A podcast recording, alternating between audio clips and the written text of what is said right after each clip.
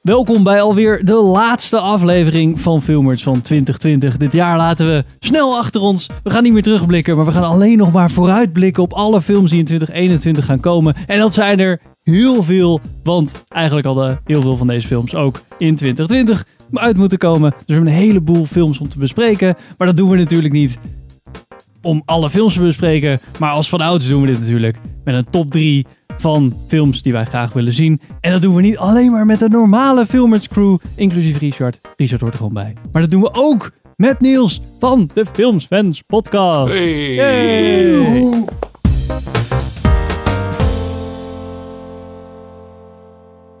Welkom bij een nieuwe aflevering van Filmers. Ik ben Henk. Ik ben Pim. Ik ben Sander. Ik ben Richard. En ik ben Niels. Niels, welkom Niels. Hey. Niels Goeie- van de hallo. Filmsfans podcast. Super leuk Yes. dat je erbij bent. Ja, bedankt voor de uitnodiging. Ja, ehm, waar, voor mensen die de Filmfans podcast niet kennen. Eh, ja, vertel eens wat over jullie podcast. Oh, even kijken. Eh, wij zijn nou iets meer 3,5 jaartjes oud. Eh, elke week een vaste, elke week een vaste nieuwsaflevering podcast. Elke dinsdag, woensdag komt die online. En dan bespreek ik samen met Rana en af en toe een gast. Henk, jij bent al een keer te gast geweest. Richard ook al. Zeker. En nou nog eh Sander en Pim. eh, die zijn eh, de volgende. Ja. En dan bespreken Dat we ja, de laatste filmnieuwtjes, releases, trailers, eh, wat we gekeken hebben. En gewoon een beetje, beetje kletsen. Gewoon, ja. Wat jullie hier doen, alleen dan wekelijks. Ja, hebben wij ook geprobeerd. Ja, het, het, verschil, het verschil natuurlijk is dat wij geen videoopname doen. Dus eh, qua recordings is het, eh, is het wel ietsjes, eh, ietsjes makkelijker.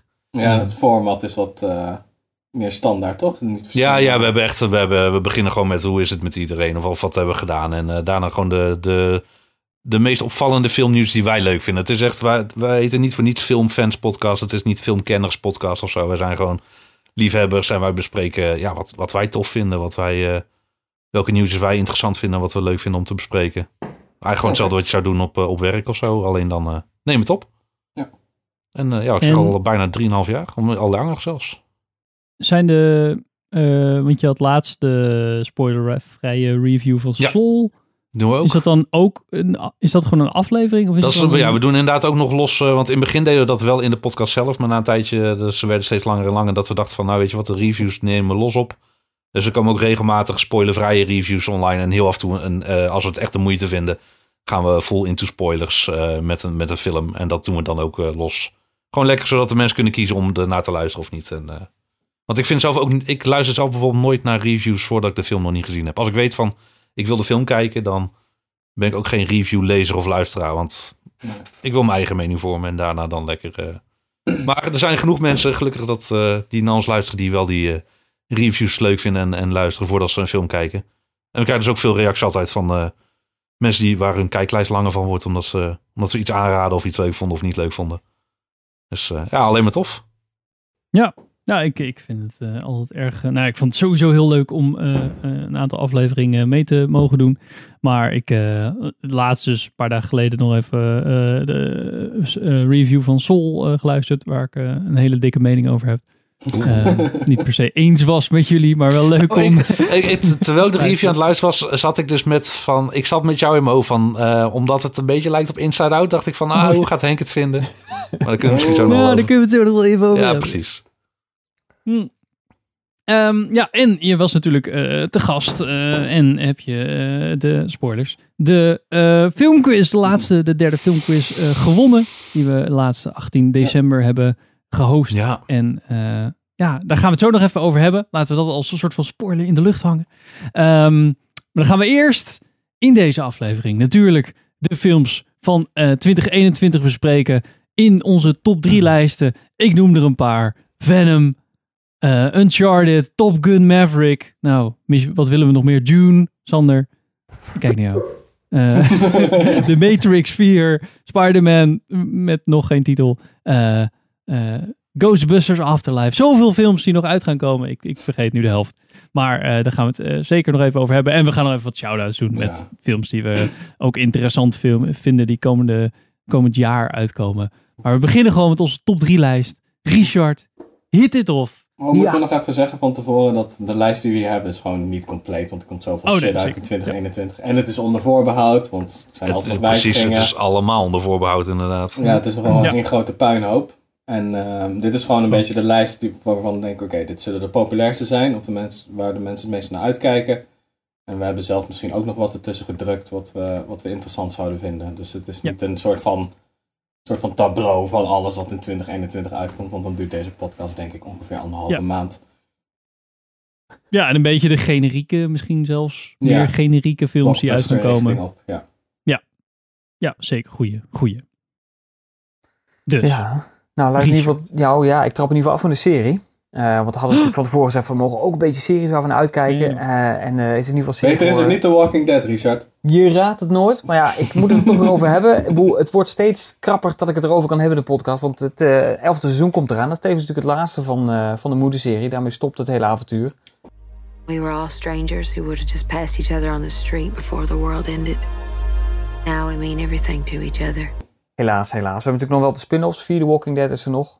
Die loopt waarschijnlijk nog wel door, want het laatste seizoen wat nu wordt uitgezonden, dat is eh, ontzettend, wordt ontzettend goed ontvangen. Dus eh goeie hoop. Eh, en je hebt natuurlijk The Walking Dead World Beyond nog, maar dat is een two-series event. Dus dat houdt na één seizoen, nu nog één seizoen te komen in het nieuwe jaar, houdt het daarna ook op. Ehm, maar voor The Walking Dead, de moederserie, volgt dus seizoen 11. Die volgt het najaar, eh 24 afleveringen. Ehm, dus het is eigenlijk gewoon twee seizoenen, maar dan in elkaar geplakt. Op dat normaal gesproken een seizoen ongeveer 16, eh, 16 afleveringen duurt.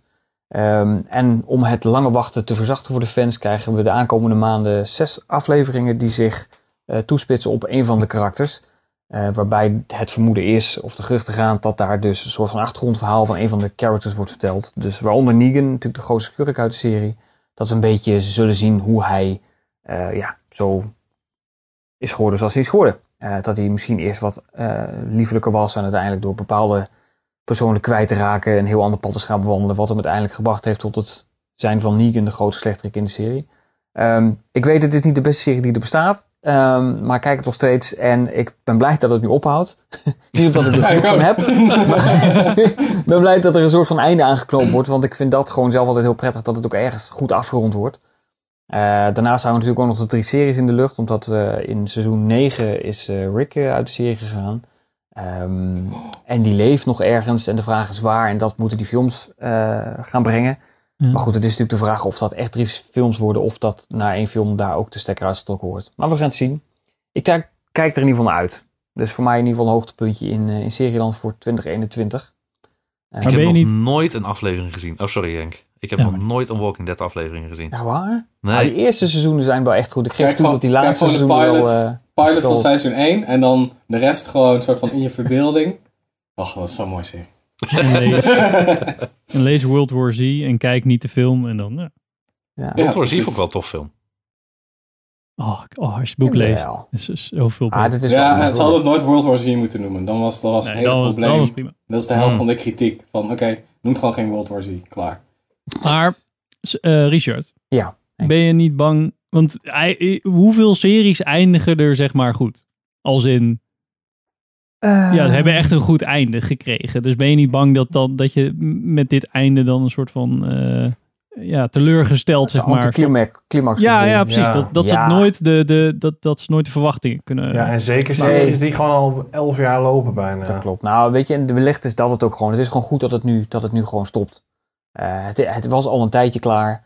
Eh, en daarom is het goed dat ze nu zeggen van nou, we trekken nu gewoon de stekker eruit en dan is het ook gewoon klaar. Ja, het is jammer. Misschien, Cold eh, behandeling. Gewoon achter het schuurtje. En dan iedereen zo. Dit is, dit is beter zo. Dit is beter ja, zo. Kijk, het zou natuurlijk wel fijn zijn als een soort van. Want je voelt vaak eh plot twist in series. Alleen het punt wat ze bij de fout bij- die ze bij The Walking Dead gemaakt hebben, is dat ze hoofdpersonages dusdanig populair hebben gemaakt dat ze ook niet eh, durven te, eh, de serie uit durven te schrijven. Rick is de, eigenlijk de enige hoofdcharacter die de serie uit is gegaan. Dat was omdat eh, Andrew Lincoln is een Engelsman. Die woonde natuurlijk officieel in Engeland. Dus hij was zes maanden van huis, miste zijn kinderen. Dus had zoiets van, ik, dit trek ik gewoon niet meer. Daarom wil ik de serie uit. Eh, maar al die andere characters zijn zo populair dat ze gewoon niet durven om die, om die eruit te schrijven. Fear Walking Dead daarentegen, die doet het weer wel. En daardoor is die serie ook gewoon een stuk beter, omdat daarbij eh, gevaar dreigt voor ieder personage. Omdat je eigenlijk Ja. bij The Walking Dead weet je van nou, dit personage is te belangrijk. Die gaat deze Dus avond het Game toch of Thrones overleven. effect. Ja, maar. Ja, precies. Wat Game of Thrones eigenlijk heeft verneukt in de laatste twee seizoenen. Ja, nou dat doet The Walking Dead dus al het hele... Ja. Het hele, het hele Plot armor. Ja. Precies. Nou, het is natuurlijk de hoop, of die hoop heb ik, dat ze in ieder geval een soort van, eh, ja, hoe zeg je dat? Een soort van verrassing nog aan het einde hebben. Een soort van plotwending, dat ze daar toch nog mee spelen. It was all a dream. En dan wordt Rick wordt weer wakker. Ja, Zo'n dikke precies. middelvinger. nou ja, dat zou kunnen. Dat is wel eentje waarvan ze gezegd hebben, dat gaan we sowieso niet doen. Ehm, Ja. Maar ja, goed, het is, eh, het is de vraag waar het op uitloopt. Het is, eh, het is eindigend en dat is misschien, eh, misschien voor Walking Dead in ieder geval het beste nu. Dus eh, daar kijk ik Oké, in ieder geval naar uit. Leuk. Voor dit jaar. Oh, ja. Ehm, ik had een top 3 gemaakt met de kanttekening dat, het, dat ik het over films ga hebben die, die ik heel graag in de bios zou willen zien als de token weer open Mm. is. Dus dat is een beetje mijn, mijn eh, regel. Goeie, en dan heb ik op 3 heb ik Mission Impossible 7.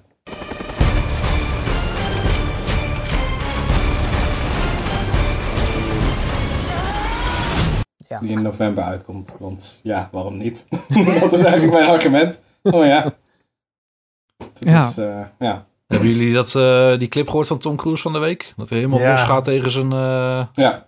En dat eh, de mensen een beetje verdeeld zijn of het, eh, dat, dat, dat ze het ermee eens zijn. Maar Hij gaat dus helemaal los tegen medewerkers die waarschijnlijk iets van coronaprotocol eh Ja, die Niet over, Ja, precies. En, en hij gaat helemaal, Ja. ja. hij gaat helemaal los tegen ze van, luister, we zijn hier eh, dankzij de maatregelen, we proberen weer ons werk te doen en jullie verpesten het en eh, daardoor eh, Ja. ligt straks heel de productie stil, gaat heel veel dingen kosten.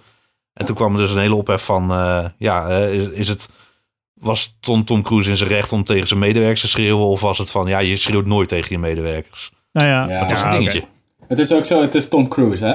Ja. Dat is Ja. één. En eh, ik denk, we waren het ook alweer redelijk snel vergeten over Christian Bale, die tegen een, een best wel beroemde belichtingsman Oh ja. aan het schreeuwen was. Voor nog minder, een nog meer fru- frustrerende reden. Maar ik weet wel. Ik snap wel waar hij vandaan komt. Want hij is natuurlijk, hij doet ook de productie daarvan. En hij weet hoeveel geld daarin omgaat.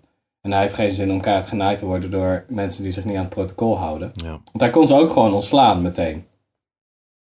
Dus, Ja, dat is het inderdaad. Hij heeft gewoon twee petten op. Het is niet alleen maar, net zoals Christian Bale, Christian Bale de acteur, maar het is Tom Cruise de acteur en Tom Cruise de producent. En ja, Ja. die, die geeft, die, die, die zet letterlijk ook gewoon geld in op deze film. Naast dat hij gewoon, eh, dat heel veel mensen natuurlijk naar die, dat soort producties kijken van, hey, eh, gaat het allemaal wel goed? En is het allemaal wel, eh, gaat het allemaal wel netjes? Eh, of wat hij in ieder geval in die clip zei van, mensen kijken echt naar ons. Ik weet niet of zij de enige film zijn die aan het filmen zijn, lijkt me niet, maar wel een grootschalige wel, productie ja. natuurlijk. Volgens mij is hij Ehm, toch gewoon oververmoeid, toch? Ik bedoel, hij staat 7 en 8 achter elkaar aan te, eh, op te nemen. Dan ook nog die hele coronapandemie Ja, er tussendoor. ook, eh. Die man is toch gewoon vol in zijn stressniveau, denk ik En dan. dan Ja. zit hij ook nog bij Scientology. Dat kan ook niet altijd goed voor Ja, zijn. Ja, ik weet niet wat, wat, hoe ze daar geloven in corona bij Scientology. Dat is maar, ook niet echt, eh, nou ja, science, Scientology. Ik mag toch hopen dat ze daar... Ja, je zou het denken, hè? ik zou het wel verwachten. Ja, maar moet- kijk, aan de ene kant denk ik van ja, weet je, ehm, ja, kon dit ook gewoon rustiger vertellen? Ja, natuurlijk, maar je weet niet hoe vaak hij zich er al aan heeft gefrustreerd. Iemand heeft het soort van in het geheim opgenomen en iedereen flipt wel eens een keer zijn shit.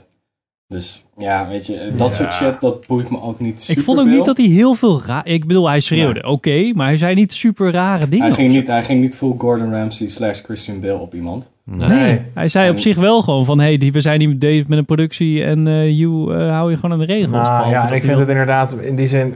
Kijk, die clip van Christian Bale, die iedereen natuurlijk ook wel kent, dat is echt gewoon vanuit zijn eigen ego. Van, eh, ja, hey, godverdomme, ik probeer, eh, ik probeer te acteren en jij staat, Ja. eh, staat in, in mijn aura, bij wijze van spreken. Het ergste is ook nog, het is was Terminator Salvation. Dus Ja, ja, dat is wel.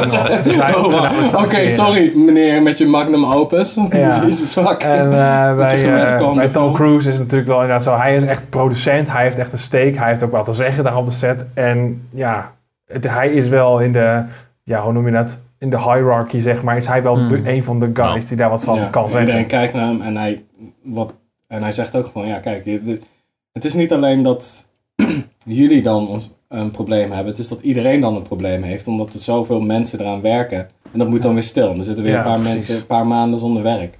Dus ja, ik snap wel dat hij daar kwaad om wordt. Want het zijn, de regels zijn eigenlijk niet zo moeilijk als je erover nadenkt. En in Amerika is het natuurlijk ook nog eens niet zo dat je dan gewoon vrolijk doorbetaald wordt, zoals hier in Nederland. Die lui die hebben gewoon geen vreten dan. Nee, wat, ja, denk jij, 600 wat denk jij? Niels? Ja, precies. Nee, het is nu 900 geworden. Oh, 900, oh. Ja, Oh. stimulus package voor je hypotheek of zo. dat ben ik keihard ja, ja. Wat, eh, wat, eh, wat denk jij ervan, Niels? Wat van het hele geschreeuw? Ja?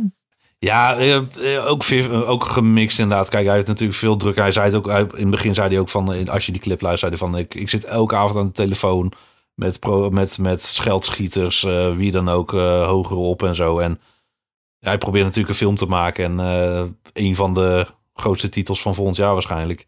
Ja. Dus ja, de druk ligt hoog en ik, ik, ik snap het ook wel. En ja, schreeuwen tegen je. Het, is, eh, het valt inderdaad ook wel mee. Hij, het is niet van, hey, eh, luister, dikzakken. Hè, wat, wat Gordon Ramsay of zo inderdaad wel doet. En dat soort Mm. dingen. Hij beledigt ze niet. Het is alleen, ik denk, frustratie en ook misschien wel ego. Het is natuurlijk wel, het blijft Tom Cruise. Ja, precies. Dat eh, dat, dat naar boven komt. Maar, eh hey, maar eh, Pim, je keek uit naar Mission Impossible 7. eh. ja, ja, ja, ik kijk uit. Dat, dat is het eigenlijk. Ik heb verder niet echt een argument. Ik heb gewoon, als ik iets in de bios wil zien, dan een van de drie, dan is het wel Mission Impossible 7. Want de Ja, vorige was ook echt fucking Eigenlijk ook wel een heel goed argument. En ik ben Ja. altijd wel benieuwd van, oké, wat de fuck gaat hij nu doen? Wat ga Ja. ik nu heel groot zien? En dan denk ik van, oh shit, wat gaat hij de volgende keer doen? En dan doet hij dat de volgende keer, dus dan kijk ik ook uit naar Mission Impossible. Er komt in ieder geval een 8 in de scène met een trein. Want er was ook een, een filmpje van mensen die... vol- volgens mij was het in Italië dat ze toch weer mochten filmen of weet ik veel wat. En er waren mensen aan het rijden en die zagen een trein langs hun, langs de snelweg. En de trein die reed ongeveer gelijk met hem mee. Ik En er gezien, zaten ja. mensen bovenop en toen zoomden ze in met een cameraatje. En zat Tom Cruise zat daar zo te chillen. Want ze hebben waarschijnlijk net een scène opgenomen of zo. Ja, was wat niet voorbereid. Hij zat gewoon boven te chillen, Oh, bovenop misschien de is dat trein. wel een eh, coole referentie naar de eerste Mission Impossible. Trein door een tunnel, helikopter goeie. achteraan. Ja, en dan springt gewoon een, Tom eh, Cruise, die die helikopter vliegt, op die trein die die ook kan besturen. Dus ja, dat is een lijp. Hij heeft gewoon trein leren besturen, de- deze, Ja, deze film. ik denk Oh, dat het vet. wel een stuk makkelijker is dan een leren vliegen. Maar oké. Maar misschien, ja. Ik hoop wel weer dat er zo'n vette, net als bij... Was het Fallout? Was het laatste, toch? Ja. Ja. Dat eh, Henry Cavill, dat hij... eh, hè, als, als zijn vuist, dat hij echt gewoon zo van... Ja. is een soort van laat of zo. Ja. Ja. echt zo die, die mouwen op en dan... Dat was, dat was echt gaaf. Ja, dat was, die move die je doet, dat is wel tof. Want Ja, dat was echt heel vet. En dan Ja. zit het wat losser, sh- het shirt. Maar ze doen dan echt zo... Maar dat gevecht was ook echt vet in die badkamer. was heel Dat vet. echt Ja. Ja, misschien wel... eh, mis- ja, of Rogue Nation. Ik weet niet welke mijn favoriet is. Hmm. Oh, ik, vind, ik vind eigenlijk maar één Mission Impossible film echt tof. En dat was inderdaad Fallout. eh. De laatste. Ja. ja. Ja, dus daarom heb ik ook wel zin in 7. Dus ik kan me in die zin wel vinden in jouw... eh, zeker als je, als je het vanuit je bioscoop-argument kijkt... is dat echt wel een van de must-sees, denk ik, eh, Ja. volgend jaar. Maar hij staat niet aan mijn top 3. Welke film staat wel in jouw In mijn top 3? Oh, wat een goede nummer wat- 3. wat een segue. Eh, ik heb eh The French Dispatch. oh, die heb nieuwe- ik als honorable mention staan. Oké, ja, het is de nieuwe film van... Richard, Richard wil wat zeggen. Ja?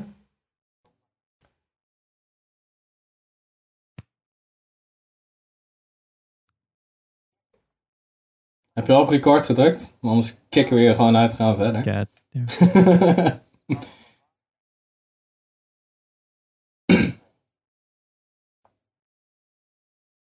nou, wacht, ik zal even mijn... eh, Applaus voor jezelf. hier, heel veel markers. Heel veel eh, markers. je... eh, yes, got it. Oké, nou, eh, mijn nummer drie. The French Dispatch. Ehm, nieuwe film van Wes Anderson die eraan zit te komen. Eh, ik moet zeggen, ik weet er niet zo heel veel van. Maar ik heb de trailer gezien, zag er gelachen uit. Ja, en het is Wes er weer Anderson. Anderson uit. Ja. Dus ja, ik ben gewoon aan boord. En eh, als ik de rest van de lijst gewoon bekijk, dan is dit eigenlijk een van de films die er voor mij het meest uitspringt. Gewoon, ja, ik vond de, de Grand Budapest Hotel vooral, ik denk bijna iedereen wel, ja. eh, vond ik gewoon echt heel tof. Eh, ja, ik echt vond, vet. ik vond Isle of Dogs ook wel leuk, maar die had toch niet helemaal hetzelfde sfeertje als wat de Grand Budapest Hotel had. Ja. Omdat toch ook, ja, dat is natuurlijk allemaal eh, stop motion en dat deed het voor mij toch niet helemaal of zo. Maar ik vond... eh, ja, ik weet niet. Ik, vond, ik, ik, had het hier als honorable mention opgeschreven. Want ik kon niet echt, ik kon niet echt kiezen. Dus, eh, dus daarom deed ik ook dat bioscoop argument. had ik tenminste een iets kleinere lijst. Mhm. Maar ik had ook wel van. Het is gewoon zo'n film waar ik dan. Daar heb je altijd. Het is altijd leuk. Ik weet niet wat Ja. het is, maar ik vind het altijd gewoon. De trailer ook van I Love Dogs was ook gewoon van. Ik, ik vond het meteen grappig. Ik had niet eens iets van de audio gehoord. Ik zag het op Facebook voorbij komen. Ik dacht zo, ha, oké, daar ga ik heen. Dat was mijn Ja. keuze. Zo van. eh, ja, ik weet niet. Het heeft altijd wel. Ja, ik heb altijd wel zin in zo'n film. En ik denk dat hij ook, ehm, ook iedereen nou kan krijgen voor zijn films. Volgens mij is dat ook Ja. iedereen... eh, eh, Ja, je hebt volgens mij had hij niet moeten doen om 800 elkaar bij elkaar te krijgen Nee, voor, zijn niet. films. Als je ook ziet de lijst en die trailer van de French Dispatch, die er allemaal in zitten, dat is echt niet normaal. Nou, ik ben dus heel benieuwd naar eh, Timothy Chalamet en Saoirse Ronan eh, bij elkaar. Want dat vind ik echt Ja. twee, twee megatalenten van, van nu. Ja. En dat die dan in hetzelfde film zitten en dan tegenover Bill Murray en zo. Dat, eh, ja, dat Ja, kan toch alleen maar, zit kan alleen maar leuk worden. Wat ook gewoon grappig is. Ja, wauw. Wauw. Ja, dat, ja, dat wordt vet. Benicio del Toro, het is echt gewoon, ja, ik weet niet. Het is gewoon... Iedereen doet mee. En volgens mij is het ook gewoon super tof om aan zo'n project mee te werken. Ja, denk ik ook wel, ja. Ja. Ja, dit, dit wordt sowieso... Ja, ik weet het. Ik, ik kan me nauwelijks voorstellen dat deze film mij teleurstelt, eerlijk gezegd. Ja, weet je, je moet er wel... Ja, oké, als je ervan houdt is het leuk. Maar het is, het is niet voor het grootste publiek. eh. Nee, dat. Ja, films. dat, dat zeg je wel. Maar ik heb het idee dat bijna iedereen die ik ken, die heeft eh, de Grand Budapest Hotel wel gezien. En bijna iedereen die ik ken, die vindt hem ook leuk. Dus op die, in die zin... Ja, maar Eh, Richard kijkt The Walking Dead vrijwillig, dus ik weet niet of zijn Ja, meetelt. dat- dat wou ik maar- nou, ja, maar- Nee. nee het, is art, probleem het is arthouse. ja, En het is, ja. Het is arthouse, maar wel voor, op een vriendelijkere manier. Dus ik denk dat wel als je, als je een keer een zijstapje wilt proberen naar arthouse... dan is een Wes Anderson film zich wel een... Ja, daar, ja, het is Ja. best wel licht, licht, lichtvoetig. Het Ja, is niet eh, Ja. Nicholas Winding Refn, eh, Only God Forgives of Valhalla Rising of zo. ja, precies. Ja, ja, misschien heb je gelijk inderdaad. Weet ik niet. Maar ik, het draait volgens mij wel gewoon in paté. Dus op zich zo eh, niche is het ook allemaal weer niet. Toch? Ja, Pathé die gaat toch nog wel vaker wat... hè, hun alternatieve... ja, die hebben gewoon ja, veel dat is Dat het probleem. ik denk dat deze wel dan gaat vallen onder alternative cinema. Ja, absoluut, absoluut. En of een vervelende tijden krijgt omdat er zoveel shit uitkomt volgend jaar. Dus ik denk dat de Ah, was Dispatch een van de dingen is die ook wel niet zo? Ja, maar, Maar heeft hij niet het goed gedaan? Ik weet niet. Nou, hij heeft het misschien niet goed gedaan, maar die hebben ze niet onder de paktitel eh, uitgebracht volgens mij. Nee, dat is misschien waar. Ja, ik weet niet wat er toen nog uitkwam. Ik heb het nu vooral over, je hebt echt zoveel. Ja, dat is wel waar. Volgend jaar wordt het zeggen, natuurlijk, met alles Ja. wat uitgesteld is. Ja, zeker. Ja. Alright, ja, dat was mijn nummer drie, eh The French Dispatch. Cool. Ehm, nou, Niels. Wat is jouw nummer drie van 2021 waar je naar uitkijkt? Ik weet zeker dat jullie hem allemaal niet hebben. Jungle Cruise. You're searching for something that can't be found. But you've never had the key. Nee. oh, dat- met eh, The Rock en... eh Precies. Emily Blunt. hoe heet ze Ik- ook weer? ik- Emily Blunt. ik- Emily Blunt. Ik, eh, ik, ik hou toch wel gewoon lekker af en toe van die avonturenfilms. hè. Kijk naar de Mummy of, of eh, Indiana Jones. Ehm, al dat soort gewoon lekkere films wat, wat een, een tof avontuur is. En ik, had, ik keek helemaal niet uit naar Jumanji. eh, de deel 2 noem ik hem nou maar eventjes dan. Ik dacht van, ja, je kan geen, geen goed vervolg maken op Jumanji, denk ik. En eh, toen de film begon, begon de film ook niet goed. hè. Het spel zet zich automatisch om naar een computer game. Toen had ik al iets van, oh nee, dat, wordt zoiets. Maar daarna die film, die film, poeh, ik was zo verrast over hoe leuk ik die film vond. En ook de Next Level vind ik echt ontzettend leuk. En eh, Jungle Cruise, ik, ik, ha- ik kijk ook vaak wel onride filmpjes van Disney attracties en zo. Gewoon eh, leuk om te zien. En Jungle Cruise, ja, dit ziet er gewoon leuk uit. Het ziet er gewoon leuk uit als een leuk avontuur. Dwayne Johnson kan voor mij niet veel fout doen. En samen Ja. met Emily Blunt. Het ziet er gewoon leuk uit. Gewoon Als hij lekker. maar in zo'n eh, jungle shirt in de jungle staat, dan is The Rock helemaal in zijn element. Ja, precies. zijn ding. Ja, Is het ook Dus- gebaseerd op een, een ja dit, is, dit is inderdaad als je... ehm, de Jungle Cruise is een attractie inderdaad in, in Disneyland en Disney World volgens mij. En ehm, dat is, ja, gaat, je gaat in een bootje en je hebt een skipper, de, de rol van eh, Dwayne Johnson. En elk bootje heb je gewoon een, een, een crewmember van Disney die een skipper is. En dan vaar je door de jungle van Afrika of ik weet niet precies wat. En die film of die, die, die tour, die zit vol met slechte dad jokes. Vol met slechte woordgrappen. En een van de dingen is ook dat ze varen dan achter een, een waterval langs. En dat is dan een van de grote wereldwonderen, de backside of water. En eh, Hm. iedereen, weet, iedereen die, die van Disney houdt, die kent dat. eh, de backside of water. En iedereen juicht en alles. En dat soort grapjes hoop ik dat hij ook... Je ziet in de trailer ook die grapjes terugkomen een beetje. En ik denk dat het gewoon een leuk avontuur wordt. Ik, eh, het ziet er in ieder geval leuk uit. Heb je dan geen probleem dat The Rock altijd The Rock is? Nou ja, ik weet niet. Ik weet niet of hij altijd de rock is. Ik vind hem op zich zeker de laatste tijd best wel, eh, best wel goed doen. Ja, ik vind juist Ik- alleen ik- erger worden. Oh, echt waar? Ja, nee, ik vind, ik Ja, Ik vind toch dat hij ik- zijn... hij is de charmes, hij, hij pleest iedereen. Ik bedoel, The Rock is niet voor niks de best verdiende acteur van, eh, van Hmm. 2019, 20. Ja, maar hij speelt nooit heel erg. Ja, het is niet echt iemand die dan heel erg. Je zal hem niet in een Wes Anderson film zien. eh, nee, dat, eh Nee, hij dat, deed ik wel een misschien keer. Ik kan hem toen herinneren van een. Weet nou, die, die film Get Shorty, maar dan Oh ja, Daar is eh, dat vervolg van? met eh, Travolta, daar zit hij ook in. En daar speelt hij echt heel goed. Dan speelt hij zo'n acteur die eigenlijk te Oh, dom is om te poepen. En dan zegt hij, ja, ik ga nu mijn monoloog doen voor jullie. Want John Travolta wil dan een soort van een tv-studio opzetten. En dan doet hij eigenlijk een dialoog in zijn eentje. En dat is dan zijn, zijn soort van, zijn rol. En dat is eigenlijk best wel vet. En dat vond ik best wel goed gedaan. Ik denk wel dat hij de rollen nou aanneemt voor wat bij hem past. Want ik bijvoorbeeld, als je nou naar Dave, eh, Dave Bautista kijkt, ook van de worstelwereld. En die heeft ook een beetje de, dezelfde type rol die hij de laatste tijd aanneemt. Maar kijk dan even naar Blade Runner 2049. Ja. Eh, helemaal in het begin. Ja. Daar heeft hij even serieuze acting chops. En eh, Ja. er is ook een short uitgekomen waar hij op gefocust is van Blade Runner. Er Ja. waren vijf shorts of zo toen uitgekomen Ja, ja. voordat de film uitkwam. Die En waren- daar is die hij goed tof. Dus ik, ik Ja. hoop dat The Rock ook een keer zoiets gaat, eh, gaat oppakken. Ja, precies. eh, hoopt. Maar dat, dat hebben we inderdaad minder gezien. En we zien hem meer in. Ja, nou ja, dat- Jungle dat- Cruise en eh, wat is het? Die, die eh, San, San Andreas en dat soort San Andreas films. Skyscraper. Ja, eh, allemaal dat een beetje- Fast and Furious films natuurlijk. Hobbs en Shaw. Op zijn show, maar Oh, daar ja. was hij ook wel weer leuk in. Dus dat, ja, nee, maar ja, dat weet ook- doet niet ik, zoveel Ik vind ook niet dat hij niet dat ik Nee, niet nee, leuk nee, ik snap Het is je alleen dat bedoelt. denk ik, ik zit weer naar The Rock te Ja. kijken. Ja. Het is niet dat er variatie zit in wat hij doet. Nou verwacht ik ook geen Christian Bale-achtige transformaties. En misschien zit hij daar ook gewoon niet op te wachten. Want deze man Dat gaat hem niet lukken met dat dat 30 lichaam minuten film, natuurlijk. dus zal Die waarschijnlijk ja. aan zijn reet roesten wat hij, wat, hij, wat hij moet doen. Hij doet gewoon zijn dingen, daar komen natuurlijk heel veel mensen op af. En dat soort vermaken is ook heel fijn. Dus in die zin volg ik je wel dat Jungle Cruise wel echt een leuke film wordt. Ik denk dat het ook wel eentje is om echt in de bioscoop te zien. Misschien nog wel IMAX. Je echt gewoon een avondje vermaak hebt. Ja. En we hebben dat volgend jaar nog wel meer nodig dan dat we het nu hebben. Precies, en dat is Eh. hetgene waarom ik er zo naar uitkijk. Gewoon even, even iets relaxed en even lekker, eh gewoon even Ja, er lekker zijn achteruit natuurlijk zitten. Lekker films luchtig. waar mensen naar Ja. uitkijken die dan door een bepaalde regisseur van nou, die, die is, heeft elke keer dat soort films, dus dat vind ik leuk om te kijken. Jij kijkt volgens Mhm. mij altijd wel uit naar een nieuwe eh, Christopher Nolan film. Dat maakt eigenlijk niet uit wat hij maakt, is gewoon prima. En ik denk dat mensen ook wel, nou ja, ook wel denken van, nou ja, het is weer lekker een nieuwe Dwayne Johnson film.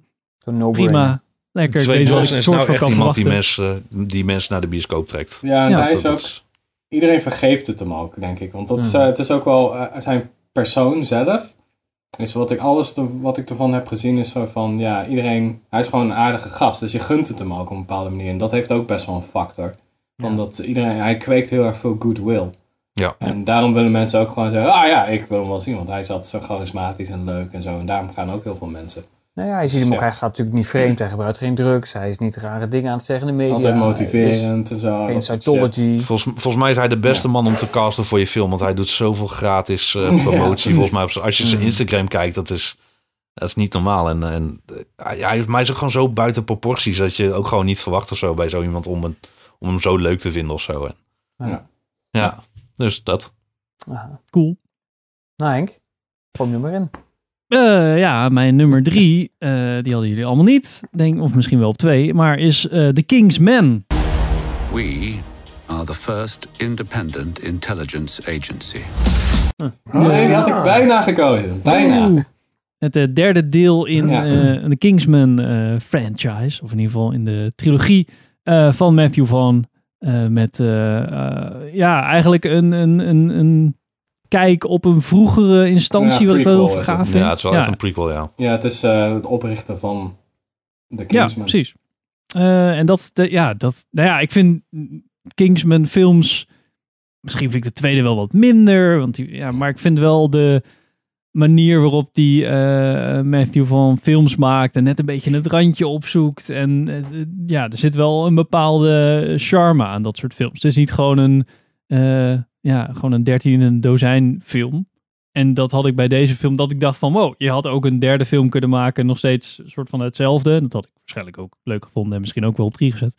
Ehm, maar dit vond ik zo ook weer een hele andere eh, kijk eh, erop. En eh, ja, dat vind ik eigenlijk wel gaaf. Gewoon, ik heb misschien één keer de trailer gekeken, toen dacht ik, yep, sold. Ja, kijk. hè. Ja, het is Ja. altijd zo, de, de actie en zo is, was altijd, is altijd echt heel tof in die films. En ook gewoon, het is een beetje een perfecte mix tussen eh, een soort van cartoony shit en een soort van wat gegronde shit. Ja. En ja, dat, dat, dat soort shit vind ik gewoon echt, echt vet. En dat die- heeft die- altijd wel die een bepaalde was-. Die eerste was echt een verrassing. Ja. En vooral als je eh, in één keer dan dat er iemand door twee wordt gehakt. dat is iets wat je totaal niet verwacht. ja. Wel zonder En- bloed dan weer, dat vind ik ook wel grappig. Ja, dat wel. Maar dat, maar dat vond ik dan ook wel... Parodie. Van, Dat vond, ja, precies. Maar dat vond ik dan ook mooi aan het einde van de film. Wanneer... eh, In die kerk. ik- ik- precies. Oh, ja. Oh, nou, de kerk is inderdaad ook Ja, dan gaan, ze vol, dan gaan ze vol gewoon, oké, iedereen wordt hier gewoon uitgemoord. De tweede vond ik echt al een heel stuk minder hoor. Ja. Vond ik echt... eh, ik vond El, heel Elton John niet, niet, niet grappig. Eh, maar dat is gewoon natuurlijk persoonlijk. En ik kijk wel eens ook zeker ook naar, naar, naar deze nieuwe. En er komt volgens mij ook een serie, eh, staat ook nog steeds in de planning. Volgens mij voor Ja, Netflix, dacht ik. ja, volgens mij wel, ja. Dus Nou, dat waren de nummer drie's. Geen Ja, slechte keuzes hoor. Nee, precies. Nog Nou, niet. naar, eh, Nou, Richard. Ja, dat weet ik. Nou, dan maak ik het goed met de nummer 2. Hoop ik, dat weet ik niet. Eh Spider-Man 3. You gonna be the next Iron Man now? Well, no, I don't have time. I'm too busy doing your jobs. What? I'm kidding. I'm kidding. Look, keep up the good work. Waarvan we natuurlijk nog geen subtitel hebben. Maar ik dacht, ja, er komt zoveel Marvel uit. En ik moet natuurlijk één Marvel film in hebben. En dan dacht ik, welke Marvel film kijk ik nou het meeste uit? Eh, en Black Widow wordt leuk. En Eternals wordt misschien leuk. Maar ik dacht, ja, Spider-Man 3, dat is in ieder geval... Dat klinkt qua concept het meest, eh, het meest interessant. Hoewel het natuurlijk ook gigantisch eh, kan floppen. Wat Ja, natuurlijk eigenlijk de, de real-life Spider-Verse moet gaan worden. Als, en als je dat allemaal niet kent, wat zeg Richard, je? wat is dat?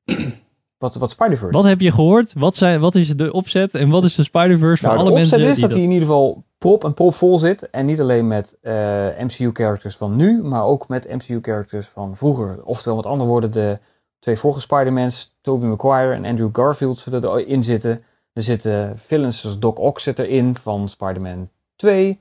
Dat is Alfred Molina, die keert weer terug om die rol dus nu nog een keer te spelen. Jamie Foxx is er weer als Electro. Eh, en dan is het een beetje de vraag of al die universa door elkaar heen gaan. Want Doctor Strange, die komt er ook nog bij.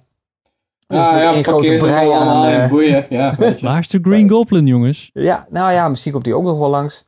Eh, wat wel natuurlijk spannend is, is natuurlijk die derde Spider-Man film met Tobey Maguire. Die was natuurlijk, eh, kritiek was, die is te vol. dat was kritiek oh 1. nee, dat hij gewoon druk was, toch? De derde eh, Amazing Spider-Man film met Andrew Garfield is nooit gemaakt. Maar dat zou eentje met Sinister Six worden. Dus ook een knijtervolle film. En nu zijn we bij de Spider-Man 3 van Tom Holland aangekomen. En ook die wordt knijtervol. Dus ik denk dat ze daar bij Sony een of andere blauwdruk voor hebben. Dat per se de derde Spider-Man film tot en ook toe gevuld moet zijn met heel veel mensen, heel veel verhaallijntjes. Of het goed komt, weet ik niet. Maar ik kijk er wel heel erg naar uit. Ik wil gewoon dat J.K. Simmons erin zit. Dat is mijn enige wens. Voor Ja, die zit er ook in. 3. dat krijg je toch? Ja, Dus, dat weten ja. we. Ja, maar ik ben benieuwd of hij dan ook Jonah Jameson, als ze echt gewoon al die universes op elkaar gaan smashen, dat je dan eigenlijk Jonah Jameson van Elke de universe. tweede, tweede Spider-Man hebt en van de, van de krant, van de Daily Ja. Bugle. Maar hoe bedoel je, van de tweede Spider-Man was hij er ook van de Daily Bugle? Neem ik aan. Maar de Amazing Spider-Man zat hij niet In, in. eh, in eh, Homecoming, of eh, Far From Home, sorry. Far From Home is die een soort van een fake Alex Jones. Maar dan is hij niet een krant, maar dan een soort van livestream ding. Oh, oké. Online alternatieve oh, media. Ik dacht van, dan- gewoon van de Daily Bugle. Ja, maar dat is dan een, dan is Een- veel extremer. Dan Ja, is hij ja. echt een presentator. En bij eh, de eerste, de Sam Raimi Spider-Man, was hij echt gewoon de weet je ook weer? ja, Hoofdredacteur. hoofdredacteur. Ja. Nou ja, en die game van Spider-Man, die eh, twee jaar geleden, was het twee jaar geleden, weet ik het wel, die voor op de PlayStation 4, daar was hij, zat hij natuurlijk ook in. En dan had hij een soort van podcast-achtige Ah, uitzending ook. Dus liet dat hele krantenprincipe ook al een beetje los. Ja. Dus, eh, Het is Maar wel weer van ook hoe- dezelfde schrijvers als de vorige twee Spider-Man films. Die oh, oké. erg leuk waren geschreven, Ja. moet ik zeggen. Ja. Eh, ja. Chris eh, McKenna en Eric Sommers. hmm. Ja, Ja, als, ik een, eh, als ik een Marvel film zou moeten kiezen, zou ik ook gaan voor eh Spider-Man. Oh, gelukkig. Pistool tegen mijn hoofd zou ik ook gaan voor Spider-Man. Ja, het is wel van wat, wat, hoeveel, hoeveel wil Sony erin proppen? Of hebben ze nou per se, hebben de schrijvers zoiets gedacht van, oh ja, dit is heel vet om, om de Spider-Verse eindelijk een keer, eh, want, want ja, dat zat toch ook een, een klein beetje in, eh nee, of een klein beetje, dat zat ook in Into the Spider-Verse, zeg maar, Ja. animatiefilm natuurlijk. Ja. Ehm, maar ja, wil je dat dan nog een keer, maar dan in een normale film? Of ja, is dat al eigenlijk genoeg verteld? Ik weet niet, het is ook een beetje. Ik denk dat ze zelf. De timing is ook een beetje kut natuurlijk, want het- dit is best wel huge. Een heel groot project, allemaal verschillende bekende acteurs. En dan heb je ook de coronacrisis en dat soort dingen. En dan hebben mensen nog wel vertrouwen. Dus de timing is ook weer niet echt super lekker. Ja. Om zo Hij gaat ook iets van eh, Spider-Man Stay, Stay at Home eh heet of zo.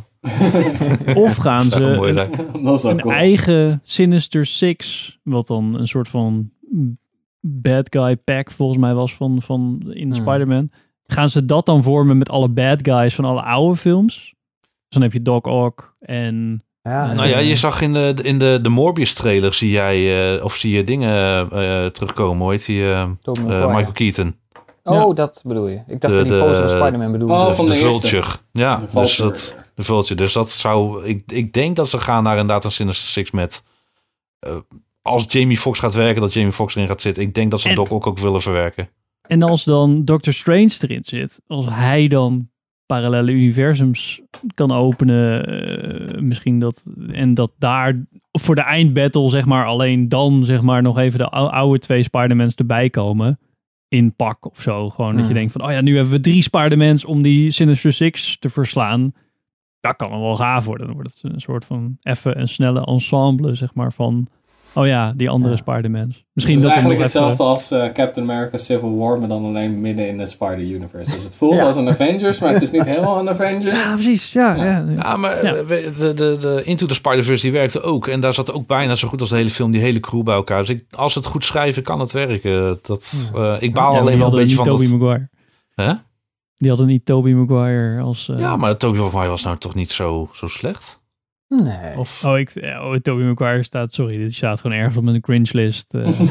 ja, maar op Nou, zich, eh, ja. op zich was Die hij wel een, een, een leuke Spider-Man. Dat, ja, die dansen, dat vergeet dat moeten we maar vergeten. Never. Maar, eh, Oké, maar ja, goede, goede titel, denk ik, om, om als tweede te hebben. Dacht ik. Pim. Oh ja, ik ben weer. Eh, top eh, nummer 2 is Top Gun Maverick. Dus Cru- Oh, Tom Cruise is- controls my soul. ja, maar het is gewoon, dit wil ik in de bios zien. Klaar, Ja, na afgelopen. Verder Dat is ook mij mijn nummer van uit. twee. Ja, serieus? The end is inevitable, Maverick. Your kind is headed for extinction. Ja, het is ook geregisseerd door Joseph Kosinski. Dus die heeft Oblivion gedaan. En je kan heel veel dingen zeggen over Oblivion, maar het zag in ieder geval fucking cool uit. En ze hebben zoveel mogelijk proberen echt te doen. En dat zie je ook gewoon hierin terug. Dat je gewoon echt dat shot, dat je alle camera's in de cockpit en dat zo van, die, van het vliegtuigschip af, afknalt. Dat is echt gewoon, oh, dat, ik kan niet wachten. Ook al vooral voor het geluid en zo. Man, ik, die wil ik echt wel zien in de bios. die Ja. moet je ook, het is IMAX gefilmd en zo, hè, dus die moet, je ook, Ja. eh, die moet je ook gewoon daar zien. Ja, ik die- denk ik- wel, ja. ja. Ik Wat? weet niet. Wat, Sander? Wat? Nou ja, ik denk... Ik, jullie hebben allemaal goede argumenten, maar toch om de een of andere reden... die film... Ik kan er gewoon niet echt hyped voor worden of zo. Ik denk aan het maar eind vond van je, vond je Top Gun wel een leuk film? Of? Ook matig, maar... Ja, maar ik ben ook geen fan van Top Gun, want dat is echt Ja. zo'n... Zo, ja, het is best wel campy, dan wordt het bijna leuk. Maar het is, ik zou hem niet nog een keer kunnen kijken, maar dit is totaal anders. Dit is eigenlijk Ja. een soort van het verschil tussen Mission Impossible 2 en Mission Impossible 5, denk ik, of zo. Of tussen 1 en Mission Impossible 1 en Mission Impossible 2. Zo van eentje is heel erg campy, actie, soort van, ja, high fives overal. En Twee is toch die John dan- Woo shit? Ja, precies. Dus dan is eigenlijk eh, dat verschil, dat contrast daartussen, dat valt nu ook wel heel erg op. Dit is veel meer, veel serieuzer en ook wat meer, gaat veel meer dieper in op een karakter dan alleen zo, oh ja, kijk, check mij eens cool in, ik heb een zonnebril, oh my god, iemand is dood, ik krijg toch wat bij. Ja, precies. Dat Ze hebben het goede van, Ja. van de eerste film genomen. En Ja, dat zeg maar wel in een soort van nieuw ja. jasje ge- Ja, precies. gedrukt. Ja, dat vind Ja. ik ook wel. Da- daarom had ik het eigenlijk wel. Nou, we gaan Ja. het zien. Ik denk, ik, denk, ik, ik denk dat het heel spectaculair wordt, maar ik heb het vermoeden dat in ieder geval voor mij persoonlijk aan het einde van de rit dat ik de bioscoop uitloop, dat ik nog steeds zoiets heb van, nee. Ondanks dat het wel een soort van achtbaan is, weet je wel. Ik denk dat het voor het eerst dat we dat we denk dat, dat je echt in je broek zit van wow, dit was echt zo'n gave zo'n gave dogfight of zo hebben we nog nooit gezien of zoiets. Ik denk dat het ja, zeker in IMAX dat het gewoon Ja. Hoeveel films met episch kan dogfights zijn. zijn er dan? Niet veel eigenlijk, als ik er zo over nadenk. Je hebt Top Gun 1. Eh, Star Wars. Dunkirk zit er wel een paar Ja, zetten in. ja oké. Ja, dank u. Ja, Star Wars natuurlijk ook, maar dat is natuurlijk wel even... Een film dat over Pearl. Harbor. Hebben we. Ja. Oh ja. Ik wilde hem net noemen. Harbor. Midway, Midway, Midway, moeten we Midway ja. niet vergeten natuurlijk. Niet Die prachtige film. niet Is dat niet van, eh, is dat van Angelina Jolie, toch? Of niet?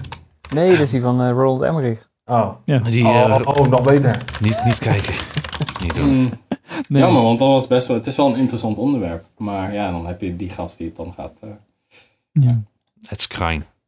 Dus ja, ik denk, ja, ik denk zeker door ja, de, de visuele spektakel en hoe Oblivion ook gewoon Goed, nou ja, daar, daar leun, leun ik dan heel erg, ook eh, erg op van. Oh ja, dat zag er ook gewoon super gaaf uit. Had hij nog meer gedaan? Oblivion. Bij Tron Legacy vond ik eigenlijk ook een vette film. Ja. Die is, ja, maar dat- ja, die is ook gewoon best wel tof eigenlijk. Ja. Hij heeft gewoon niet zo heel veel gedaan, maar wel echt goede dingen eigenlijk. Je had hem ook op twee, zei je Henk, of op één? Ja, ja ik had hem ook op twee. twee. Dus ik ben gelijk klaar. Ah, nou. Wat had jij dan op twee, eh, Sander? Ja, ik denk dat dat iets is waar jullie niet zoveel mee kunnen. En ik had hem vorig jaar ook in mijn top drie. Ehm, The Many Saints of Newark. On my second date, he brought me and my mother each a dozen roses and my father a $200 power drill. Oh Dus een, ja. eh, een, eh, een, een film, een prequel eh, op de Sopranos. Ja. Eh, met eh, wat ik daar heel erg tof aan vind. Of ja, kan goed uitpakken, kan heel kut uitpakken. Is dat Ja. eh, Michael Gandolfini, de zoon van de, de eh, overleden eh, James Gandolfini, die dus eh, de hoofdrol speelde in de serie, speelt dus de jonge eh, Tony Soprano. ja, dat is echt tof. En het is wel gewoon, het is wel gewoon geschreven door David Chase, dus echt een- ook de man achter de serie. Dus het is niet dat eh, HBO heeft gedacht van nou, nu willen we even cashen en eh, we, gaan, we gaan iets met de Sopranos doen. Het komt echt vanuit hem. Dus ik ben wel echt heel benieuwd wat, eh, wat hij bedacht heeft. En is Het, eh, geregisseerd door die eh, Game of Thrones. eh, ja, die heeft heel veel eh, dingen geregisseerd van Game of Thrones. Toen, toen de serie in ieder geval nog een beetje in zijn prime zat. Tenminste, echt, Maar, eh, maar, maar, ho, ho. 12. Maar hij heeft ook Thor The Dark World gedaan. Dus dat is... eh, en Terminator Genesis. ja, precies. zijn we weer full circle. Ehm, maar ja, goed. Dus het, het- ja, ik weet niet.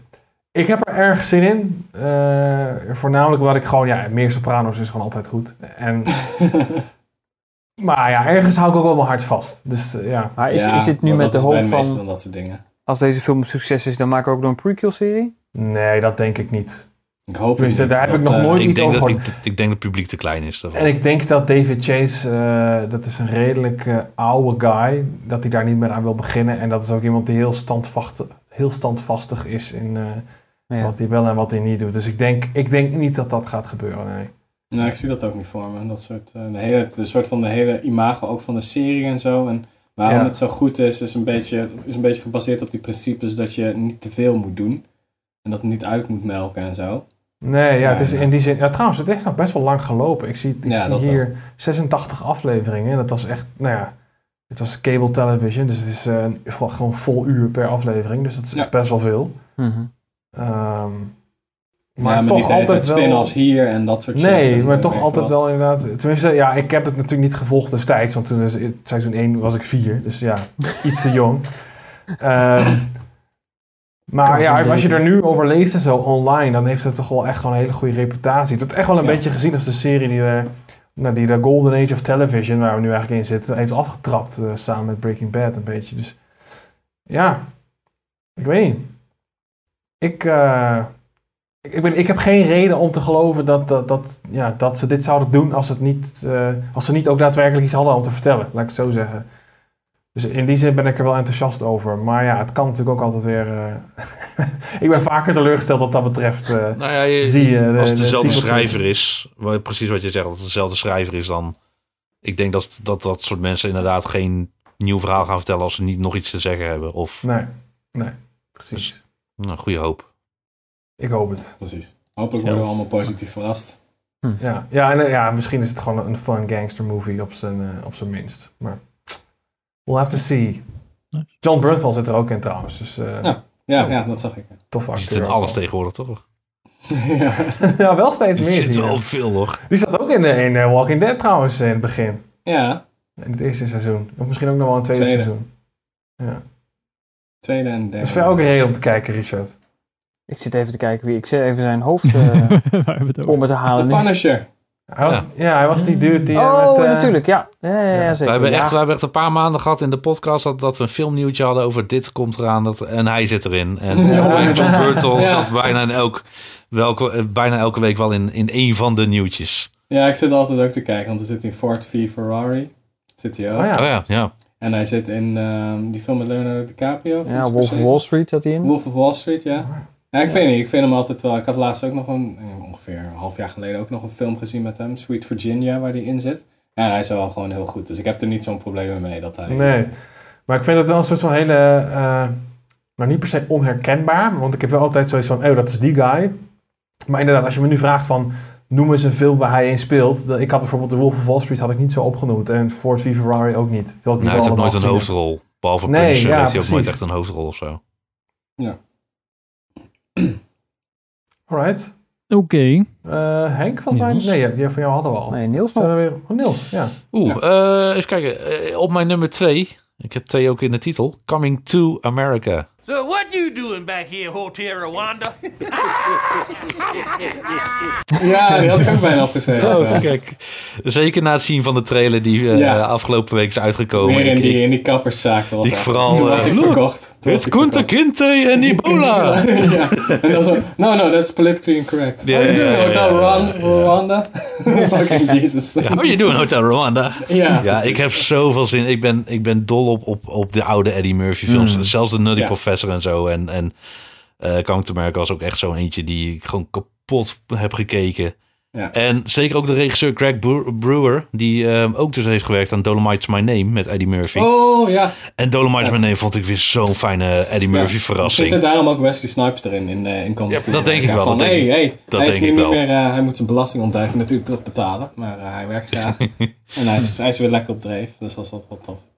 Ja, ja de- als je de trailer kijkt, dan eh Coming to America, die heb ik hoog zitten. En ik, ik heb hier Ja. gewoon zoveel zin. Maar gewoon, het mag voor mij puur gewoon elke, eh, elke scène weer. Oh, die, hey, daar is hij weer en daar is hij. Dat maakt niet uit. Het Ja. mag, gewoon- het mag Ja, gewoon een enorme grote nostalgietrip worden. Ik vind het helemaal prima. Ook al slaat het verhaal nergens op. Ik vind het ook gewoon vet dat ze eigenlijk wel de, de belangrijkste personages gewoon terug hebben. Als in de echte acteurs. James Earl Jones de, erin. Gelukkig En, eh, leeft iedereen nog. Dus dat, Ja. dat, dat scheelt inderdaad. Weet Zelfs, eh, zelfs dingen, Joan Amos eh, zit Ja. er ook weer in. Ja. Dus ehm, ja, en eh, ja, dat wordt toch wel leuk.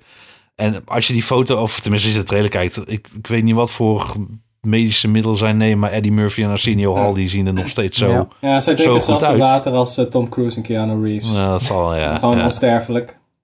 Ja, maar ik, ik heb zo eh, precies die kapperscène alleen daarom al.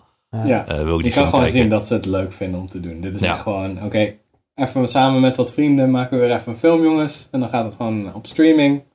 Geniet ervan. En dat, dat straalt er vanaf. En daarom, er zit geen pretentie aan vast. Aan dat Nee. soort dingen. Zo van, oh, Nou ja, eigenlijk had hij in de bios uit moeten komen ook, hè? Ja. Eh, maar hij komt dus inderdaad eh, in maart naar eh, Amazon Prime. Ja, precies. Recht gekocht voor best wel veel. Volgens mij iets van Ja, 120 miljoen of zo. 125 miljoen. Ja. Dus Ja. eh ching Dat is deal. voor Jeff Bezos gewoon chump change, hoor. ja, dan poetsen ze tanden mee. Ja, ik wou net zeggen. Zullen we in de broekzak zitten? Ja. ja, precies. Nou is hij zo. Nee, maar ik vind dat wel een goede, goede keuze. En als je Dolomite's My Name nog niet hebt gezien, eh, was een Netflix release. Ja, dat is wel Ja, Echt een die dikke staat- aanrader, want die vond ik echt goed. eh, al Oh, sinds dat waarop hij het uitkomt op mijn ja. lijstje. Waarop het gebaseerd is, is ook gewoon zo tof. Gewoon Ja, ja, ja, ja. Over Ik- die gast, die Black dus- Exploitation. Ja. Ik had dus geen idee dat het een waar gebeurd verhaal is. En Ja. dat maakte de film alleen nog maar wackier. in. Ik heb een film een keer gezien met die gast erin. Ik weet niet meer hoe die heet. die het dan helemaal, ehm, die, die acteur waarover het gaat. En dat was echt zo insane, maar ook zo grappig. Dat ik echt zo zit van, joh, wat, ik wist niet of, het of hij zichzelf serieus nam of niet tijdens die hele, tijdens die film. Dus dat was echt een soort van een rare comedyfilm wordt het dan. En toen ik hoorde dat eh, Eddie Murphy en Wesley Snipes daar een film over gingen maken, zat ik al meteen van, ah, dit wordt echt vet. Ja, en, en gel- gelukkig heeft hij niet teleurgesteld. Nee, nee. Dus extra zin in eh, Coming to America. Ja, Coming 2 America. Ja. Ja, precies. Henk? Nou, ja, vet. Henk had dan Eh, zijn nummer 2. Ik, ik had al, want Ja. ik had Oh ja, ook Top Gun. Top Gun Maverick op 2. Dus Gewoon nummer 1. Cruise Control. precies. Eh, Nou, nou, welke Tom Cruise film. Oh nee, nee, wacht. Nee, sorry. Eerst, eh, eerst Richard. Het. Nou, hier zit geen Tom Cruise in. nou ja, deze film zou in april eh, uitkomen. En toen werd het november. En nu wordt het weer april. ja, No Time to Die. jouw nummer 1 is Ja, natuurlijk James Bond. History isn't kind to men who play God. film. Ja, ik heb gewoon niet, niet aan gedacht. Ik heb gewoon niet aan gedacht. nou, dat snap ik wel. Maar hij is zo vaak uitgesteld. Ja, ik kijk er nog wel nog steeds naar uit. We zijn natuurlijk nu straks een jaar verder. Eh, ja, het is, kijk, je mist een beetje die, ehm, eh, hoe zeg je dat, die opmars, die hebben we natuurlijk al gehad. En toen kwam die in één keer niet. Dat is natuurlijk een beetje jammer. Ik hoop dat ze dat straks in april nog een beetje kunnen, kunnen hoe zeg je dat, een beetje op kunnen pimpen, die, eh, de motivatie om te gaan. Of, eh, Zeg, dat de film in ieder geval beter kunnen promoten, mensen een beetje lekker kunnen maken. Ehm, Mhm. Ik denk ook wel dat als het april weer niet lukt door de hele corona shizzle, dat hij dan waarschijnlijk wel eh, naar streaming gaat. Ook omdat MGM natuurlijk, de studio is nu failliet. Eh, dus die Is MGM failliet? MGM is nu eh, inmiddels failliet. Dus die- Officieel failliet? Ja, die hebben de corona niet overleefd. Oh, jeetje. Dus dat zou kunnen betekenen dat eh, nou ja, Bond dus uiteindelijk toch op een streamingdienst terecht gaat komen. Maar Maar ik hoop gewoon nog steeds dat hij uiteindelijk in april de bioscoop haalt. Dus we gaan het zien. En eh, de laatste van eh, Daniel Craig. Hebben er wat langer op moeten wachten. Craig. Maar eh, ja, ik, eh, ik kijk daarnaar uit. Maar als ik jullie kopjes zie, dan denk ik, ben ik dan bijna de enige die naar James Ja. Bond nog uitkijkt. Nou, het, het, het, is, het is precies wat je zegt. We, op- we hadden al de hele tijd die hype. We hebben al Hmm. zo lang die trailer in de bioscoop gehad. Wij zijn al, hè, allemaal mensen die veel naar de film zijn of naar de bioscoop zijn geweest. En hoe vaak we die trailer wel niet in de bioscoop hebben gehad. En ehm, ja, eh, het- misschien is de hype een beetje weg. Ik hoop dat hij weer terugkomt als, eh, als hij uiteindelijk weer gaat draaien. Ja, Ja, Maar het die trailer een heb ik nou... beetje- s- Ja, het- ik heb er wel heel veel zin in hoor. Dat zeker wel. Ik ga hem zeker kijken. Maar eh, april, ik vind het nog steeds... Dat is een beetje tricky, hè? Ik denk streaming. En ze hebben het al geprobeerd ehm, Ja, te verkopen. te verkopen voor Ja. 600 miljoen of zo. Ja, zoiets. Ja, zoiets. Ja, het is een beetje van, ik was sowieso niet echt hyped van, ah oké, ja, nieuwe James Bond, whatever. Want Spectre was, viel me echt super tegen. Mhm. En eh, ik, ik, vond het, ik vond het begin, het was echt dit voor mij. Zo van, ah, eh, Casino Royale, vet. Ik dacht echt zo, oké, nice. Ja, Toen maar dat is... Quantum of Solace, toen dacht ik van, yeah. En de, toen ehm, Skyfall was weer vet. En nu denk ik van, Hmm. en dan Spectre was weer kloten. Dus misschien is het wel een hoogtepuntje, maar ik, ik, wat ik eraan van Nou kan ja, zien, de- ik ben de- niet echt enthousiast of zo. Van, oh, Nou ja, de geschiedenis van de franchise is met ups en downs. Eigenlijk, als je iedere goede Bondfilm eruit pikt, dan volgt daarna altijd een veel zwakkere. Dat is ook met de Moore-films is dat ook zo. Eh, zelfs bij de Connery-films. Hè. Gold, Goldfinger was fantastisch. Nou, Thunderball is dan alweer wat minder. Eh Moonraker was een flirtfilm, en daarna kwam Spy Who Loved Me, dus dat ging weer. ja, ja, dus het, Moonraker. het, dat, dat, dat fluctueert. Dus in die zin zou het moeten dat No Time To Die gewoon een hele goede film is. Ja, Waar ik alleen een beetje bang voor ben, is of we nou echt afscheid gaan nemen van James Bond. Gaat hij dan nu voor het eerst Ja. echt dood of niet? En dat zou ik wel echt een hele dikke stelbreuk vinden met eh, de, hele, de hele franchise. Ja, het hele, dat is de, nog de- nooit gebeurd. de maatschappelijke, culturele, politieke shit eromheen. Ik vrees het ergste. Nou, het is meer dat ik denk, want Craig die heeft de beste, beste vinger in de, in, de, in, de, in de pap daar. Eh, die bepaalt best veel. En die wil natuurlijk eh Bond anders neerzetten dan zijn voorgangers. Eh, waardoor die dus hè, nu ook zijn, zijn status, want die, die dame, ik ben even de naam kwijt, die wordt de nieuwe 007, dus die status is al kwijt, maar hij is nog wel James Bond. Hij wil allemaal nieuwe dingen proberen bij die, bij die franchise, waarvan dus het vermoeden is dat hij er dus ook dood, of hem ook dood wil laten gaan. En dat is dan Hmm. ook een beetje zo'n punt geweest waar Danny Boyle is afgehaakt, of niet meer, niet meer Rob, daar zijn ze niet helemaal uitgekomen en daardoor is nou, Boyle toen inderdaad eh, aan de kant geschoven omdat de producenten toch weer andere dingen wilden of dat nog niet aandurfden. Dus het kan een beetje alle kanten op. Maar afgezien van dat. beetje, eh, ik weet niet, het lijkt me geen goed idee. Want je kan, James Bond is al best wel verschillende kanten opgegaan. Als je, als je gewoon kijkt al naar de Hmm. stijl van films. Dat hij getrouwd was en er ging zijn vrouw weer dood. En de, de ehm, Sean Connery was veel meer soort van die dat, dat jaren 50 type. En dan kreeg je Roger Moore, dat was veel meer bijna slapstick-achtige shit. Mm. En dan kreeg je weer Timothy Dalton, wat weer echt serieus en duisterder was.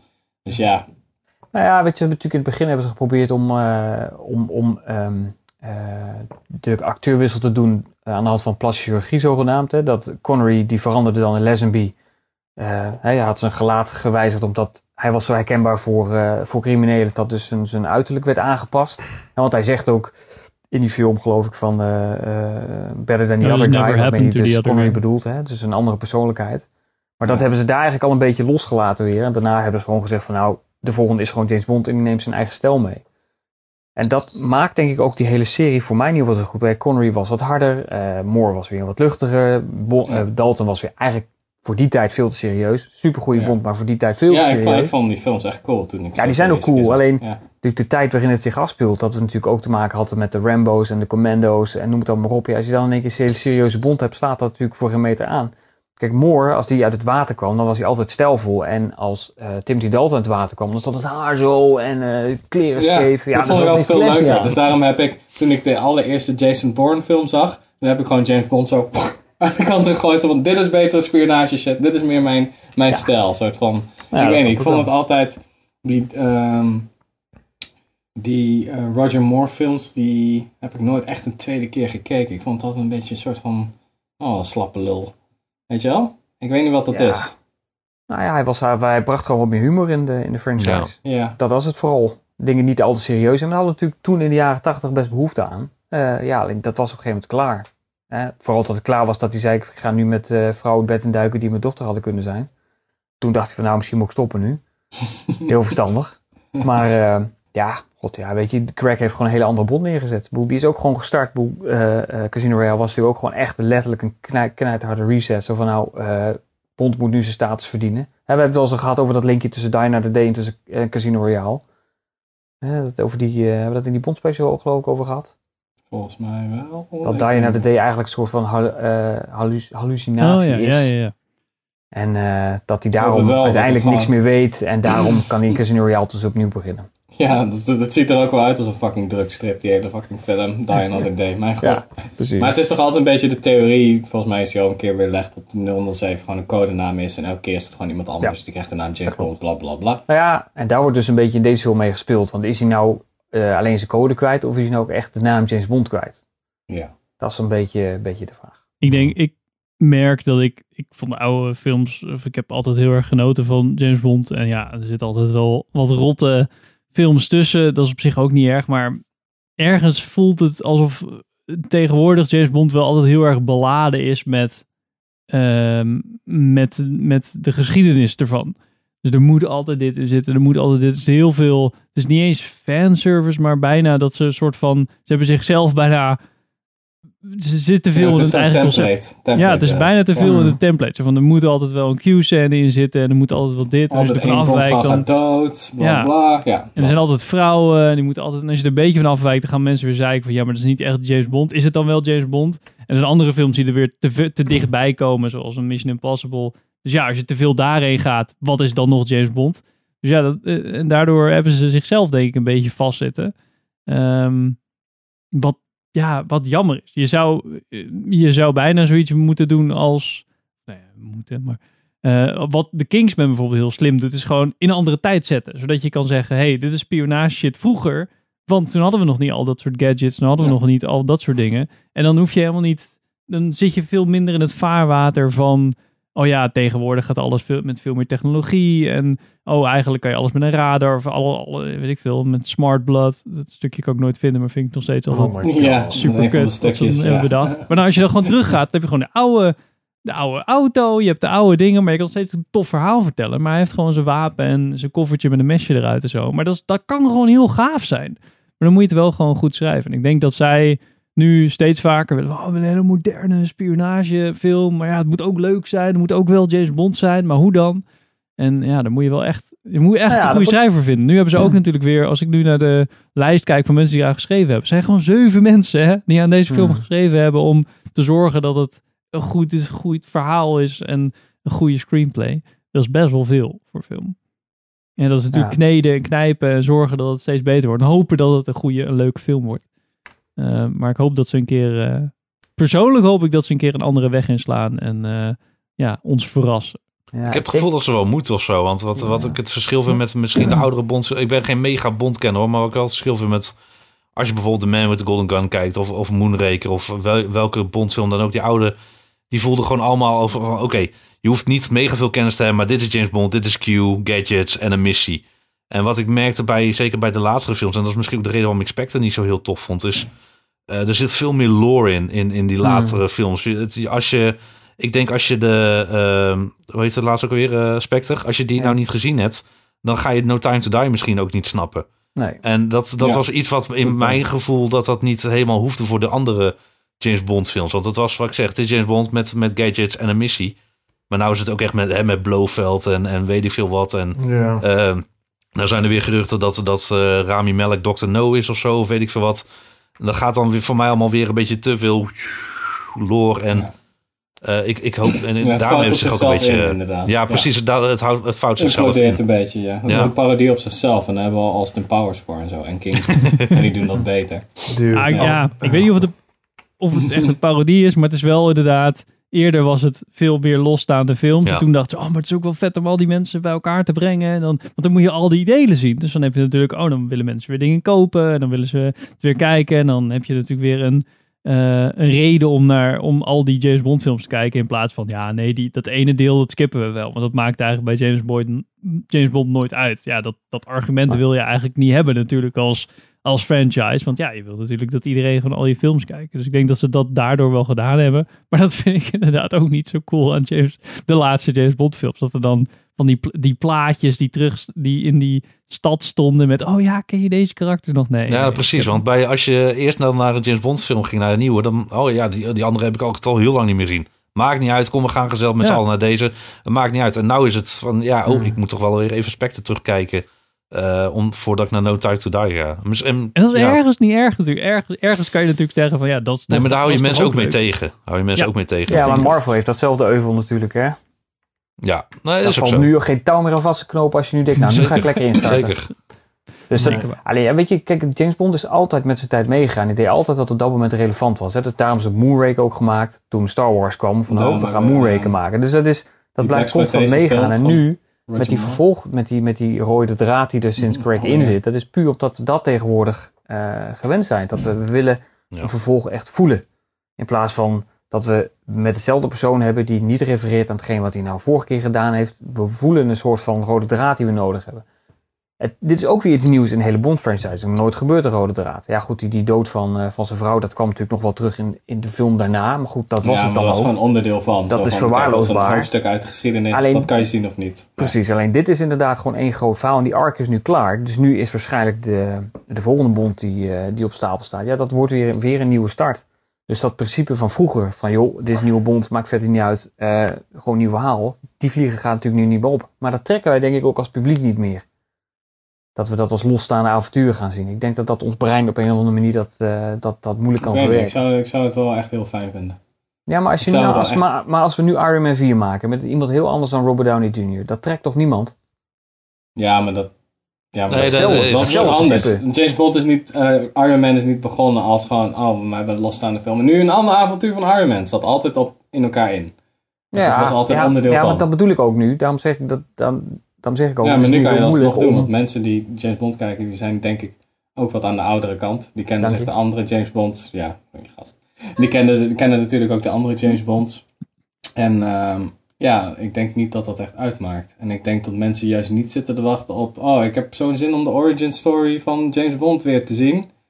Oh, kijk, hij is een nieuwe gast. Hij moet weer leren van zo bla bla bla. Nee, ga, ga, ga gewoon weg. Boeien. Ik denk niet dat dat echt uitmaakt. Want je kan eigenlijk iedereen GoldenEye laten zien. Zonder dat ze andere James Bonds hebben gezien. Hmm. En dan hebben ze meteen... Oké, die lui hebben een geschiedenis. 007 is blijkbaar belangrijk. Whatever. Oh, hier gebeurt vette shit. En dan einde film. En dan kan je ze ook gewoon weer eh, Moonraker niet laten zien. Want dat is Moonraker. Maar ehm, bijvoorbeeld Casino Wat Royale. is dit voor film? En dan denk je van, ja, oké, dat is ook tof. Dat is dan klaar. Ook al heb je dan die eh, irritante cliffhanger aan het einde. En je kan ook gewoon eh, Live and Let Die laten zien. Of, eh, ja. Ik snap het, ik snap het Ik argument wel, Richard. Ik snap het argument.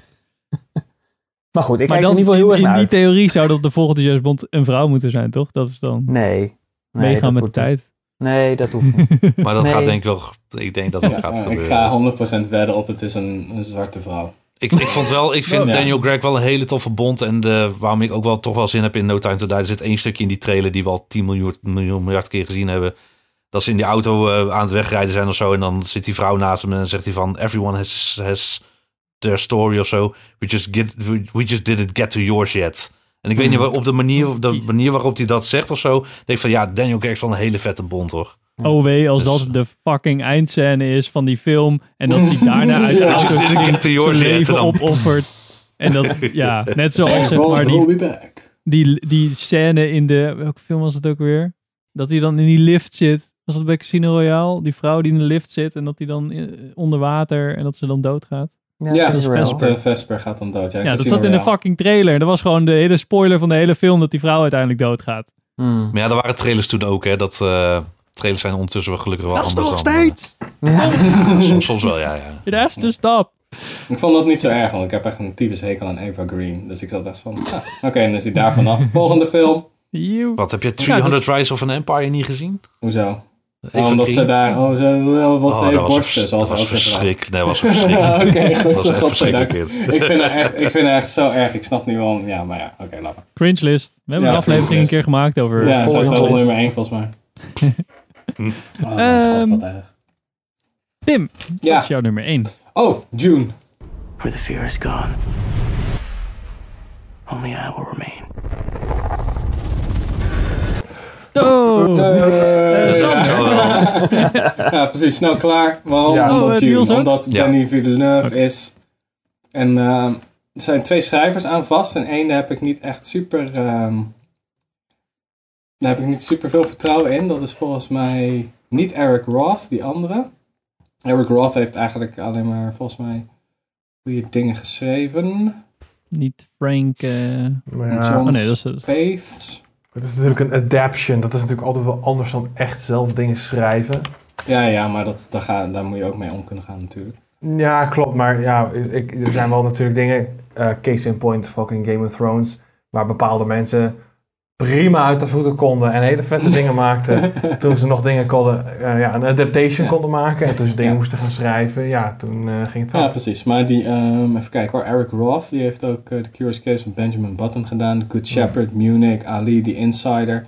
Forrest Gump, dus daar heb ik eigenlijk alleen maar... Dat zijn dan eigenlijk alleen maar goede dingen. En die andere knakker heeft van zowel The Darkest Hour heeft hij geschreven.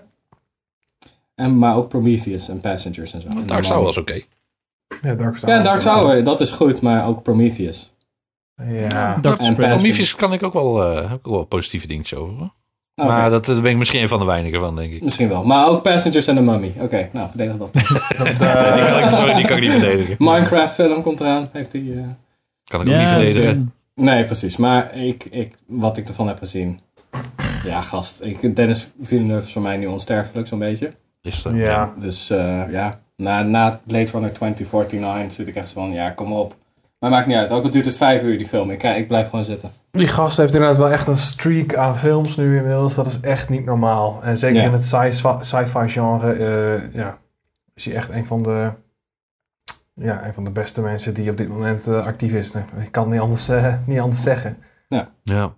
Ja, Arrival en dan Prisoners ook nog eens die eh, Ja, zo ontzettend ja. sterk is. Oh, hij, shit, heeft, ja. hij heeft een passie voor, voor, voor het verhaal. Dat, dat merk je gewoon in zijn, eh, in zijn werk. Ja, het is, hij, hij neemt zijn tijd. Dat Ja. is interessant. En hij weet ongeveer hoe hij dat moet indelen. En dan de actiemomenten die daar dan uit voortkomen, die zijn dan ook extra intens. Want je hebt al die voorgeschiedenis die daar Ja. vast zit. Dat heb je bij Sicario ook. Eigenlijk als je over, daarover nadenkt, over dat verhaal. Zo van, ja oké, het is re- redelijk simpel. Maar gewoon omdat je met Emily Blunt meegaat en je krijgt eigenlijk ook Josh Brolin te zien. En dan krijg je een paar intense scènes waarbij je echt zo zit van... Oké, wat de fuck is hier aan de hand? En dat, dat is echt heel cool. Het, eh, Sicario heeft een van de beste filmscènes ooit. Gewoon die, die eh, Ja, het is als aan, de, echt- aan de grens, eh, aan Ja, de grens ja. vaststaan. Nou man, wat een spanning. Dat is zo Ja. vet. Ja. Maar ook, ook de cinematograaf van, eh, van eh, Dune, Greg Fraser. Die eh, heeft Rogue One geschoten, Zero Dark Thirty, Lion. Eh, Mary Magdalene. Dat is misschien niet de beste film, maar wel ontzettend mooi geschoten. Ja, precies. Daar Dus, is eh, natuurlijk... eh, visueel wordt het, wordt dit ook gewoon een plaatje hoor dit. Ja. ja, dat kan je al wel zien gewoon aan de trailer hoe de Ja. compositie is. En de Ja. kleurgebruik, dan zit je al zo oh my fucking god. Heeft, heeft, heeft een van jullie eh, het boek gelezen of niet? Oh, ik ben er ooit mee begonnen. Nou ja. Nee. Nee, ik hoor, er- ik hoor er ook altijd alleen heel, hele goede dingen over, maar ik... eh, Ja, dat is Ja, echt zo'n niet doorheen klassieker. gekomen, Eigenlijk ja. moet je hem lezen, maar weet je. Ja. Nou, Sander. Ja, je hebt wel die... eh, nog die even. eh, oh, sorry. Henk, Ga verder. Zeg je? Nou, je hebt nog even. Oh ja, voor de film. Ja, nee, ja. Nee, ik wil nu gewoon ook lekker verrast worden door de film. eh. Absoluut. Je hebt ook, eh, er komt ook een serie, hè? Over June. Ja, Serieus? Sisterhood, volgens mij, of zo. ook, eh, ook, Dat eh, onder, een- eh, ook onder Denis Villeneuve. eh, Oh, dus serieus? dat- Dus het is ja. echt wel- zeg maar, ja, ja, ja. een soort vanzelfde cinematic universe Yep, gaat dat yep. Ja, wel Oh. geschreven door de, niet door Frank Herbert, maar volgens mij zijn zoon Brian of zoiets. Ja, die, ja, die klopt. Ja, want die Frank Herbert is dood en de Brian Herbert heeft ook een aantal boeken geschreven nog eh, daarna Ja. in de Dune-serie. Ja. Dus dat zal hij, hij wel zijn. Ik ben alleen heel, heel, heel benieuwd wat de box office gaat zijn voor deze film. Ook al, als zelfs, als, zelfs al zou je corona wegdenken, dan ben ik nog benieuwd wat de box office gaat zijn. Want ik denk Ja, dat het, wel- het is te...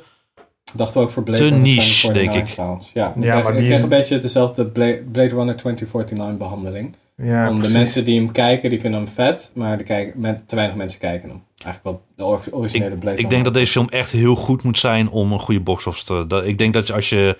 wat ik zeg, als je even heel het corona wegdenkt... dat iedereen weer normaal naar de bios kan... dan denk dat de eerste week box office... moi, moi gaat zijn. Hè? De, de fans zullen natuurlijk gaan. En daarna gaan we pas merken hoe goed de film is. Want dan komt pas de... jongens, deze film is zo goed, die moet je zien. Of het is te niche... eh, en je hoort er weinig over... en dat hij eh, langzaam eh, verdwijnt. Holy shit. Ik denk voor mij is die echt te hard sci-fi. Nou, precies. Van wat ik van de trailer zag, dacht ik, dit is niet echt helemaal mijn Maar het is bijna ding. fantasy. Het is bijna ja. fantasy, ja. Ja. Ja. Dat is een beetje een ding van... eh, zoveel sci-fi, er wordt er na een tijdje als magie, dus wordt het fantasy. Dat heb je... Bij Star Wars is het net andersom. Als een fantasy film in de science fiction universum. Ja. Soort van. En hier heb je een soort van, het is science fiction in een fantasy. Of een, het is, ja, het is een science fiction verhaal in fantasy. En ja, ik weet niet, ik vind, ik kan, eh, ik, ik vind dat echt vet. Ik vind sowieso de setting gewoon echt heel cool. Ja, het, ja, ja. Het zag er allemaal goed uit. Maar ja, ik had niet gelijk zoiets van, oh ja, dit is echt gaaf. Rihanna zat mee te kijken met die trailers. En echt zo, wat de... What the fuck is dit? Kan ik, hier dan wel blij mee, uitgezet. kan ik je hier wel blij mee maken? Soundtrack van Hans Zimmer, de score. Ja, dat vind ik toch Ja, wel ja. Ja, Dat vind ik dan weer jammer. Die paar, die paar kleine dingetjes die hij heeft gemaakt. eh. Ja, ik weet niet, ik ben nooit zo'n van Hans Zimmer. Ben je echt geen Hans Zimmer? Dit is geen eh, sarcasme. Je bent echt Nee. geen Nee, Hans nee, nee, Zimmer ik, ben, ik vind hem, ik vind hem redelijk, eh, ik vind hem, ja, ja, dan krijg je dit weer. nee, ik vind hem, eh, mensen Inception flippen te veel. Man, Ja, dat is gewoon, ik, ik snap ze, ik, na een tijdje heb je ze trucje door en dan wordt het heel vervelend als je het hoort. Ja, Oh, precies. kijk, ik heb, dit, ik heb dit nummer heel langzaam gedraaid. Oké, oké, en nu heb je dat stuk achter zworen dan. Te gek. Oh, hebt Parts of the Caribbean, die soundtrack gewoon op piano geschreven. Toen was je te lui om iets te componeren, dus dan druk je het op violen. Ja, weet je, ik, na een tijdje heb je het wel. Ja, Gladiator, Gladiator en Pirates er zitten wel heel veel terugkerende thema's eh, bij Ja, elkaar precies. Ja, het is ook gewoon... Dat is gewoon... Je kan het hem zien spelen. En denk je, ja, maar piano klinkt niet zo. Ik doe wel violen. Het is niet, het is niet dat ik hem slecht vind, maar nou, ik vind hem overrated, wil ik ook niet zeggen. Maar het is veel te veel van, oh ja, het is Hans Zimmer. Zo van, ja, nou en? Nou, ik vind hem dus Bij wel Blade Runner is die wel... Bij Blade Runner 2049 was het wel... Daar is echt alle stops eruit gehaald. En dat, dat merk je gewoon. Wat ik bij Hans Zimmer, bij, zijn, bij je recht toe recht aan Hans Zimmer project, wat niet echt een passieproject voor hem is, merk je gewoon, hij verzint één of misschien een keer twee melodieën en dat smeert hij over de hele film uit. En dat is gewoon te mager. En inderdaad, precies wat Pim zegt, op een gegeven moment heb je dat trucje door. En dan denk je van, oh ja, oh, dit is weer een Hans Zimmer score. Je hoort dat tegelijk dan, weet je Nou, misschien, misschien wat je zegt, eh, als, als het geen passieproject is, ik denk dat misschien dat Dune juist wel is. Want hij heeft, Ja, dus, Dune, eh, eh, hij heeft, ja, hij heeft Tenet eh, afgewezen, hè? Tenet afgewezen, inderdaad, omdat hij, omdat hij de kans kreeg om zijn favoriete verhaal ooit, Dune, te mogen scoren. Ja, Ja, dus, dat- eh, dus ik, dat- ik denk dat hij wel een stap verder gaat. Ja. Maar ja omdat- precies. Het is, eh, het is een beetje het ding wat er... Voor alle duidelijkheid van... ehm, als, hij, als hij een goede... Hij is... Ik zeg niet dat hij slecht is, maar het is zo van... Na een tijdje heb je het door. Ik zou wel- ik wat zeg wel- Christopher Nolan ook heb. Ik zeg wel, Zo. als je de kans krijgt om hem live te gaan kijken, het, het is buitenwerelds waar je, waar je bij aanwezig bent. Mm. Het is Ja, gewoon een, ik een, graag, een, een eer om daar gewoon te, te zijn, ook al betaal je er eh, 130 euro voor. Het is gewoon een eer om daar te zitten, om, omdat, omdat zijn, onder zijn leiding, zijn concert, zijn orkest, die muziek te horen maken. Ja, dat is, dat- ik, De- ik had mijn vrouw meegenomen die er niks mee heeft, of niet veel van Hans Zimmer kent. En die, die, het is haar nummer één geluisterde artiest van de laatste paar jaren, gewoon vanwege... Het was zo vet. Nee, Ja, Dat het, is heel, het is heel toegankelijk, weet je. Het is, Ja, het- nee, is, het is natuurlijk met, met alle, alle filmmuziek is het natuurlijk, het is, het is, in principe is het natuurlijk kla- klassieke muziek, maar gewoon heel toegankelijk. Dat, Ja. dat is het een beetje. Maar dan schijnt het een beetje om een beetje de Simmerbubbel door te prikken. Hij schrijft niet alles zelf. Eh, Ehm, Junkie XL. Nou nee, ik bedoel meer te zeggen, zijn, zijn kantoor werkt als een soort van piramide. Dat wil zeggen dat iedere laag muziek Ja. maakt. En dat komt dan boven in de piramide bij Zimmer uit. Dus die tune voor Pirates of the Caribbean, die heeft hij zelf helemaal niet geschreven. Nee, dat was die Klaus, Klaus Bade. volgens Precies, dus er zijn, die Oh, Hans dat vind Zimmer ik sound eigenlijk is nog eigenlijk erger. gewoon dit. een Hans Zimmer Dit vind ik nog erger. Nu is hij, hij staat nu nog lager op Ja. een soort van respect. Ja, ik denk ik maak hem nog even verder kapot. Hij is eigenlijk gewoon, hij is, hij is de, hij is de, ik zou bijna zeggen, hij is de muziekversie van de schilderij die je bij Ikea koopt. Oké, Nee, er zit wel ambacht in, ik kan het wel zien, maar het heeft niet iets heeft geen ziel of zo? Met Oscars? Ja, dat hij of voor Pirates of zo, dat ze dan vijf eh, componisten hadden ge, eh, dat, dat die op de sleet stonden, zeg maar, van nou, deze hebben allemaal, zeg maar, de, de muziek geschreven. En dat, of dat dat te veel was of zo, of dat alleen maar Hans Zimmer dan van de credits ervoor had. En dat hij echt zo zat van, ja, maar we hebben dit met elkaar gedaan. En Hmm. leuk dat ik dan de credits krijg, maar... Ja, dit is ju juist wilde hij die andere componisten ook naar voren schuiven van ja, dit is Oh, een oké. combined effort. Maar ja, toen Is het zo? kon dat niet Ja. of zoiets. Ja, Ehm, het boelt in ieder geval geen Steve Jobs, dat scheelt dan. Ehm, de Dus, live, ja. volgens mij de live in Prague eh, Hans Zimmer concert. Ja. eh, staat nog steeds op Netflix. Ehm, en die Staat zou, hij nog die- op? Ja, of in ieder geval wat ik er nu van zie, denk ik. Hij stond in ieder geval op Netflix, eh, als Ja. je hem kan luisteren. Hij stond eerst ook op Spotify. Nu volgens mij niet meer. Ehm, ik zet hem af en toe aan als ik heel hard moet werken. dat ik gewoon lekkere werkmuziek. die hele, ja, super lekkere werkmuziek. En ook gewoon Oh, die van hele... hoe sneller ik werk, hoe sneller ik Het er is ook bij- ben. Of... Het is ook bij dat concert niet dan die in Praag, maar wel dezelfde show eigenlijk waar ik ben geweest in eh 2017 ondertussen alweer. Ja. Mhm. Toen was Wonder Woman ook net uit, dus dan kregen we de Mm. Wonder Woman soundtrack. Dat was heel vet, want er stonden echt van vijf of zes gitaristen op het podium die, eh, die dat speelden. Ja, het, was, het, was, het was heel, heel tof. Omdat, eh, en wat heel cool was, is dat hij dus de originele stem van de Lion King, uh, die... Eh, uh, Pennsylvania. Ja, precies. Die, die originele stem die was, was mee op tour. Dus dat was toch wel even heel tof om dat live te mogen horen. Dus ja, het, is, het is vet. Ik heb kaartjes. Eigenlijk zou het dus in februari dit, of 2021 komen. Maar ja, dat is verschoven nou naar 2023. Dus. Eh, mijn kaartje heb ik in ieder geval. Batman. Dus eh, ja. Um. Alleen jou. Nou, hebben we, hebben we er drie gehad. Dan, eh, dacht ik snel. Ben ik alleen nog over. En ik had geen zin in June. Maar ja, ik had dan op één gewoon Mission Impossible. This is a bad idea. Is it ever a good one? Honestly. Ah, oké. Okay. ja, want ik denk, ja. ik, ik denk dat ik wel de lijst een beetje zo heb gedaan van ja, waar we nou ja, gewoon echt zin om naar de bioscoop te gaan. En waarvan denk ik dat ik, dat ik echt sowieso zeg maar heel veel plezier aan ga beleven. En ja, dat waren die laatste paar eh, Mission Impossible films ook heel erg. Eigenlijk heb ik volgend jaar gewoon heel erg zin in Tom Cruise blijkbaar. Ehm, ook met Top Ja. Maar ja, dan dacht ik ja, maar, maar maakt me ook niet uit. Het lijkt me gewoon super vet. En ehm, wat, wat het ook brengt. Ik, misschien hoef ik niet eens de trailer te zien. En denk ik gewoon... Nee, ik hoef, ik hoef dat ook niet. Nee, maar dat hoeft er ook niet. Ik Nee. bedoel, als je de andere hebt gezien, dan ga je toch automatisch ook naar deze. Dan weet Ja. je zo van, oh, hij gaat nu hangen aan een... Of hij doet nu een... Ja, en hij rent oh, die salto over. had ik niet verwacht. Ja, hij rent, naar, hij breekt dan zijn andere enkel, weet ik veel. En hij gebruikt nu... Ja, en ik vind... Wat en ik- ja, die films worden alleen maar beter. Dat vind, ik- dat vind ik wel echt gaaf. Ja, het is bijna soort nou- van, ze hebben een soort van ingrediënten nu bij elkaar. En nu weten ze er wat moois van te maken of zo. Ik had, volgens mij, ik heb niet echt... Ja, het is na vier, Mission Impossible 4, dat ik echt zo dacht van, oké, hier, Ja. hier, hier gebeurt wat. Want 3 was ook nog zo... 2 was echt zo'n, zo'n, dat vond ik als 13-jarig jongetje vond ik hem heel cool. Ja, zo'n woe, weet je wel? Oh, hij doet een salto, dat is vet. En waarom al die duiven, maakt niet uit, slow motion. en de eerste was een beetje, was net, eh, aha, veel te veel die shit. Nee, maar ik heb een masker. En dat, dat soort shit. Ja, toen, nu heeft het eigenlijk soort van een beetje zijn ritme gevonden. En dat vind ik Ja, wel tof. nou ja, dit is natuurlijk weer door eh, Christopher McQuarrie. Die eigenlijk de laatste tijd alleen maar met Tom Cruise heeft eh, eh, dingen heeft gedaan. Wat op Ja, zich niet maar- erg is, maar hij heeft gewoon heel weinig gedaan. Jack behalve Reacher Jack Reacher. En ja, Rogue Gun Nation, trouwens. Fallout. En The Way nu, the Gun is echt super underrated, die film. Nou, cool. Toen ik achterkwam dat Christopher, Christopher McQuarrie die film heeft gemaakt, ik zat echt zo van, oh man. Dat was echt zo'n, zo'n, dat is een cultfilm alleen voor mij volgens mij. En een paar dudes die eh, even gestoord zijn als ik als het gaat om wapens en dat soort dingen. Dus dat is echt zo'n, zo'n, zo'n fanboy film. Met Benicio enige- del Toro trouwens. Het enige jammer is, of in ieder geval waar je nog een beetje vraagtekens bij kan zetten, is dat eh, Christopher McQuarrie ook eh, het allemaal heeft geschreven. Maar ook The Mummy heeft geschreven met Tom Cruise. En ook Jack the Giant Slayer heeft geschreven, wat ook een beetje een Mm. rare film was. En The Tourist heeft geschreven, wat toen echt wel overheen werd gescheten. Dus ja, Tom er zitten ook wel een paar... Het kan, het kan natuurlijk ook zijn dat hij een keer zijn streak, zeg maar... En hij heeft ook de screenplay van Top Gun Maverick geschreven. Wat meegeschreven, zeg maar. Ook wel weer grappig. Ehm, Ja, ik, weet- ik weet niet hoeveel Ja, ik weet niet Hoeveel glitter heeft hij nog, zeg maar? Ja, ik, ik weet het niet. Ja. Misschien heeft hij nu wel gewoon zo'n mojo. Zit hij ook bij Scientology, krijgt hij ook speciale drankjes. Kan Ja, precies. Gaat hij één keer in de week gaat hij even zo'n infusion halen. Ja, precies. Dan zijn er weer wat vermiste kinderen in die plaats. En dan... Ook.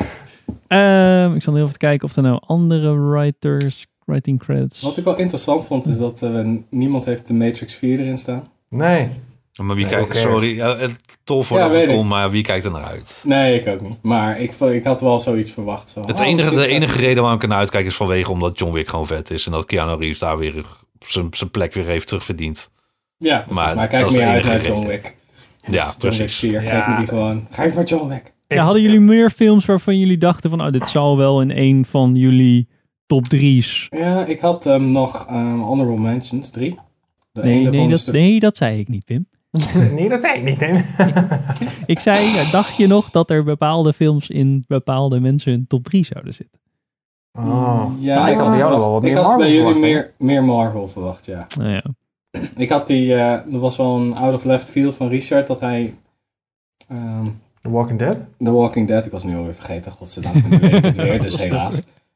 Dat hij die had vervangen voor iets van Marvel. De Dat Suicide hij, eh, Squad. misschien. WandaVision. Nou, ik moet zeggen, Godzilla vs. Kong vind ik ook nog wel een interessante. Alleen voor het spektakel overal. Ik vind King Ja, Kong wel echt mm. tof. Ik vond die Dat film had ik ook bijna gezegd toen ik... eh, Kon- eh, King of Monsters. Ja, toen ik die had gezien dacht ik, nou laat maar. Dat Ja, denk ik heb hetzelfde. slecht. Ik heb Dat klopt. hetzelfde. God- De eerste Godzilla was zo cool, van die, van die serie, van die Mm. universe. Kong, Ja, Skull dat- Island was vet. Ja, dat waren precies. echt allebei soort van... Die hadden een identiteit, er zat een soort van leven in. En dan hadden ze bij King of Monsters... Ah, ja, maak gewoon standaard, dus ik maak alles kapot filmen. Waarom volgen we die dudes? Weet ik niet. Je wilt Ja, gewoon... Ronald Emmerich-achtige, maar dan Ja, slechter. precies. Nu gaat dit kapot. Ja, cool. Misschien de reden dat niemand echt Marvel noemt vanwege... eh, omdat we... Endgame was natuurlijk de grote afsluiter. En we hebben daarna ook niks meer gehad. Vanwege corona. Ja, Dat het toch een beetje even uit het oog, uit het hart is of zo. Ja, maar kom op, jongens, na Infinity War gewoon Marvel cares, weet je. Maar het is gewoon dood. ja, het is ik wel zo van, ja. Ik, ja. eh, ik was wel, ik ben... Het enige wat ik in 2020 fijn vond, is dat we niet de hele tijd een fucking Marvel film hadden. No offense, jongens, maar godverdomme. Om te ademen, inderdaad. Ja, Ja, dat is denk ik ook wel goed. Dat, dat, dat, dat reset het even. En ehm, nou ja, ik, ik denk wel dat ik, Ja, nu als ik, begint als eh, ik de kijk naar... Marvel-pandemie. In plaats Nou van... ja, eh, ja, dat is waar. Maar ik, ik denk dat we wel een beetje de Mandalorian-achtige vibe nodig hebben, voor mij in ieder geval, om weer een beetje terug te komen te in... Ja, om te denken van, oh ja, dit, dit gaat wel weer cool worden. En ja, de- de- er komen nu natuurlijk ook steeds vagere titels langs. Niet dat, niet dat ik sowieso alle Marvel characters ken of zo. Maar als ik nu naar Shang-Chi en The Legend of the Ten Rings zit te kijken... Nee, Ja. Ja, maar weet je, dat is, als, je nee. kijkt, als je kijkt naar dat toen in één keer Guardians of the Galaxy uitkwam. En Guardians of the Galaxy is de reden waarom Spider-Man, of de Amazing Spider-Man 3 nooit gemaakt werd. Is omdat die rond dezelfde tijd uitkwamen in Amazing Spider-Man 2 en, en Guardians of the Galaxy. En Spider-Man 2 die bracht bijna niks op, terwijl Guardians of the Galaxy over de miljard heen ging volgens mij. Ja. En dat de producers van Spider-Man dachten van, ja jongens, wat, wat gaat er mis? Waarom kunnen wij een naam als Spider-Man niet zo goed laten werken als Guardians of the Galaxy, waar nog nooit iemand van gehoord heeft? ja, het dus is bijna in die zin een goede film moet maken. Ja, nee, ook dat buiten dat natuurlijk. Maar Ja. weet je, in die zin ben ik dan ook wel... Ja, ik, precies. denk dat Marvel, eh, ik denk dat we Marvel wel kunnen vertrouwen. We kunnen Kevin, Kevin Feige wel vertrouwen. Mhm. Ja, het, is, het, het, het, een beetje het issue is, is dat er echt... je- toen ik die, al die aankondigingen zag, zat ik echt zo'n... Oh my god, het begint overnieuw. Right when I was out, they pull me back in. Dat, Mm. dat Ja. soort shit. dat is het enige wat dan... Het wordt heel erg kwantiteit. En dan vrees ik voor de kwaliteit. We zullen het zien. Ik bedoel, we krijgen natuurlijk vanaf 15 januari WandaVision. En als dat volgens mij is afgelopen, gaan we volgens mij gelijk door met Bucky en de Winter Soldier. Ja. Of eh, Falcon en de Winter Soldier, sorry. Ja, En als die is afgelopen, gaan we gelijk verder met Loki. Dus eh, Maar het is- het is gewoon Alsjeblieft, hou je. abonnement. Dat, schreeuw om hulp. Dat krijgen Ja, we met Star Wars nu ook. Ik bedoel, er zijn er fucking tien dingen aangekondigd. Flikker toch op, man. Dat ik heeft denk toch dat niemand we, tijd voor. Ik, ik denk dat we voor, met Star Wars kunnen gaan verwachten dat we een soort van begin van het jaar een serie krijgen. Of, of ergens rond april. En dan weer in het einde van het jaar zoals we nu hebben. Dan rond eh, november of oktober, november met de Mandalorian. Ja. Ik denk dat we twee series per jaar kunnen gaan verwachten met eh zo Ik vind, het, eh, ik vind het veel. Eén film per jaar was eigenlijk al te veel. Mhm. Ja, het haalt een speciale weg, hè? maar ja, dat is, dat is die tijd nu. Dat is die tijd nu, denk ik. Ja. Even Ja. terugkomend op trouwens je argument over Guardians of the Galaxy. Die hadden echt een kick-ass trailer, hé. Absoluut. Sorry. Eh, als er een introductie was van, hey, dit gaat een superleuke, ja, gewoon een gave film zijn met deze band van characters. Ja, dan had iedereen in de bioscoop gewoon, ah, dat ziet er wel grappig uit. En ja, dit, dat heeft het wel echt gesold in plaats van, oh ja. Mhm. Nee, ook was zo. echt zo'n perfecte storm, die, die film. Gewoon de muziekkeuze, de stijl, de acteurs. Het is echt gewoon echt geniaal. Ja, ik denk dat de soundtrack inderdaad er heel erg heeft meegewerkt. Ja, daardoor zijn sommige van die eh, nummers weer op nummer 1 gekomen in Amerika. Ja. Er staat er dat iemand op zegt, waarom is mijn... Een van die schrijvers van die, van die muziek uit de jaren 70 van... Oh, maar ik heb, ik heb hier eens zo'n spike. En dan komt het dus door. Ik denk dat heel veel mensen die uh, Hooked on a Feeling niet kenden voor de, Ja. voor de Guardians of Ja. the Galaxy. Nou zit iedereen uh, hoeka, chaka, hoeka. Dat is allemaal gewoon mee te zingen. Dus ja, dat is toch wel vet. Ja. Ook albums ook gewoon die ik playlists op, eh, op Ja. YouTube Music en op Spotify met Awesome Mix, Volume 1 en 2. En Ja. dat is gewoon, ja, het is gewoon, het is gewoon echt heel tof. Ja. Ehm, ja. Ja. Ik eigenlijk niet films verder die, waarvan ik dacht, oh ja, die zouden jullie wel ehm Ik had bijna Ryan the Last Dragon erin gezet. Ehm, gewoon omdat hij er zo mooi uitziet. Die animatie eh, ziet er zo ontzettend gedetailleerd en mooi uit. En ik vind het Aziatische stijltje, Chinees-Japans en dan gemixt met fantasy vind ik altijd wel, eh, vind ik altijd wel heel erg tof. Dus die, die, zag, die ziet er echt heel tof uit. Maar als ik, de, als ik deze gewoon op, op Disney Plus zou kijken, dan zou ik ook heel tevreden zijn. Zeg maar, Ja, dan, dan was ik dus ook met Soul wel. Qua, qua, ik, ik, Soul was ook geen film die ik per se... ehm, Maar ik, de ik denk dat misschien liever Ryan the Last Dragon in de bioscoop zou zien... dan, dan dat ik dat Soul in de bioscoop Hmm. had gezien. Ik had toch wel Ja. verwacht dat jij Uncharted in je lijst had staan, Henk. Op een of andere reden had ik dat verwacht. Want Henk is een gamer. Nee, omdat hij het de vaakste daarover heeft, volgens mij. Is dat zo? Nou ja, Ja, Nathan Fillion, allemaal dat soort dingen. En ja, dat, dat, en dat wel. Maar dat, is het, dat is het niet. Dus ja, dat, dat is dan jammer. Ja. Ehm, ik denk dat het wel een hele vermakelijke film kan zijn hoor. Het is van eh, ehm, de, de Zombielands eh Ruben regisseur. Ja. En, de, en eh, het writer duo die Mission, of Iron Man ook hebben geschreven. En eh, Mission Impossible. Eh, Ja. Of eh, Men in Man Black. Black International. International. Woe. Big oef. Ja, precies. Dus het kan een beetje alle kanten. Het is wel grappig. Ehm, ja, wel, wel leuk inderdaad. Maar ik ben totaal niet into that story of zo. Nee, maar ik denk dat het wel die, die combi tussen eh, eh, ja, s- eh, eh, hoe heet die, eh, Nathan Drake en Sully, die dan door die twee gespeeld worden, eh, Tom Holland en Mark Wahlberg. Als daar een beetje chemistry is, dan kan het wel best wel lachen worden, denk ik. Ja. Ja, ja. Maar ik vind daarbij Tom Holland dan weer een beetje, ja... Ja, hij is te een jong. Hij is, gewoon, eh, ja, hij is een beetje een te jonge guy, vind ik. Maar ik denk dat Ja, ze dat dat hebben gedaan eh, vanwege eh, toe- mogelijke toekomstige films. Nee. Ja, Dat ze, ja en het dat is gewoon een een soort van prequel. Sully is ook eigenlijk te jong. En je hebt gewoon in de derde, Derde, ja. game, derde Uncharted, dat je ook gewoon een soort van prequel ding hebt. Ja, klopt, ja. Ja, en En, vierde zit het eh, ook wel. Ja, precies. En dan is het ook gewoon, hij is ook best wel jong. En dan, dat zie ik me wel voor me, van dat hij nog een beetje een kluns is en zo. Net zoals de eerste Spider-Man eigenlijk. Want hij kloont nog een beetje aan, hij leert het vak. En dan kan je redelijk timeskippen als je een paar jaar wacht. Oké, hij is nu al wat meer. En dan heb je Nathan Fillion. Dat is wel vet. Nou, het, het, het oh nee, zou ik toch wel. Nee, wil Nathan Fillion. Ja. Kijk dan, fucking, hoe heet die? die, dat, dat je en een leuke mix van characters hebt die hopelijk chemie hebben, plus een beetje die, de setting die ik van Uncharted, in ieder geval van hoe ver ik het heb gezien, dat vind ik wel vet. Gewoon een beetje Ja. die soort van Indiana Jones-achtige vibe. Ja, precies. beetje Ja, schatten Jones, en een beetje... Hmm. Ja, Ja, daar zeg je me wat. Want er, die staat niet op deze lijst. Maar er komt volgend jaar, als het goed is, ook een sequel op de Tomb Raider film. Die dus weer gebaseerd is op de reboot van Tomb Raider. Ik die zie niet gebeuren. Ja. Daar hoor je niks meer over en ik zie niet gebeuren. Die film heeft het niet goed gedaan, is ook niet goed ontvangen. Ja, denk je. Hij staat nog wel slated. Dus eh, Ja? ja, Ja, het, zou, het zou kunnen hoor. Ik moet ook eerlijk zeggen, ik was ook echt verbaasd van, huh, komt daar nog een vervolg op? Ja, als ze daar iets van gaan maken, dan wordt het 2022, eind 2022. Denk ik. Ja, dat hoor je Ik denk natuurlijk dat die wel redelijk op een laag pitje staat. Van, oh, dit, eh, En, en streaming, denk ik. maar hij is Ja, nog ja, announced ook inderdaad. Ik zou het nog wel lachen vinden op zich. Ik vond die film vermakelijk genoeg om... Nou, ik kan me eh, voorstellen dat zo Netflix dit oppakt. Dit is natuurlijk exact een titel die voor Netflix natuurlijk uitermate geschikt is. Ja. het grote publiek, wat je als abonnee wil binnenhalen, denk ik. Ja. Zou me niks Ja, dat vond ik wel verrassend bij Netflix. Als ik een beetje door de lijst keek van dingen die eraan kwamen, dacht ik echt van...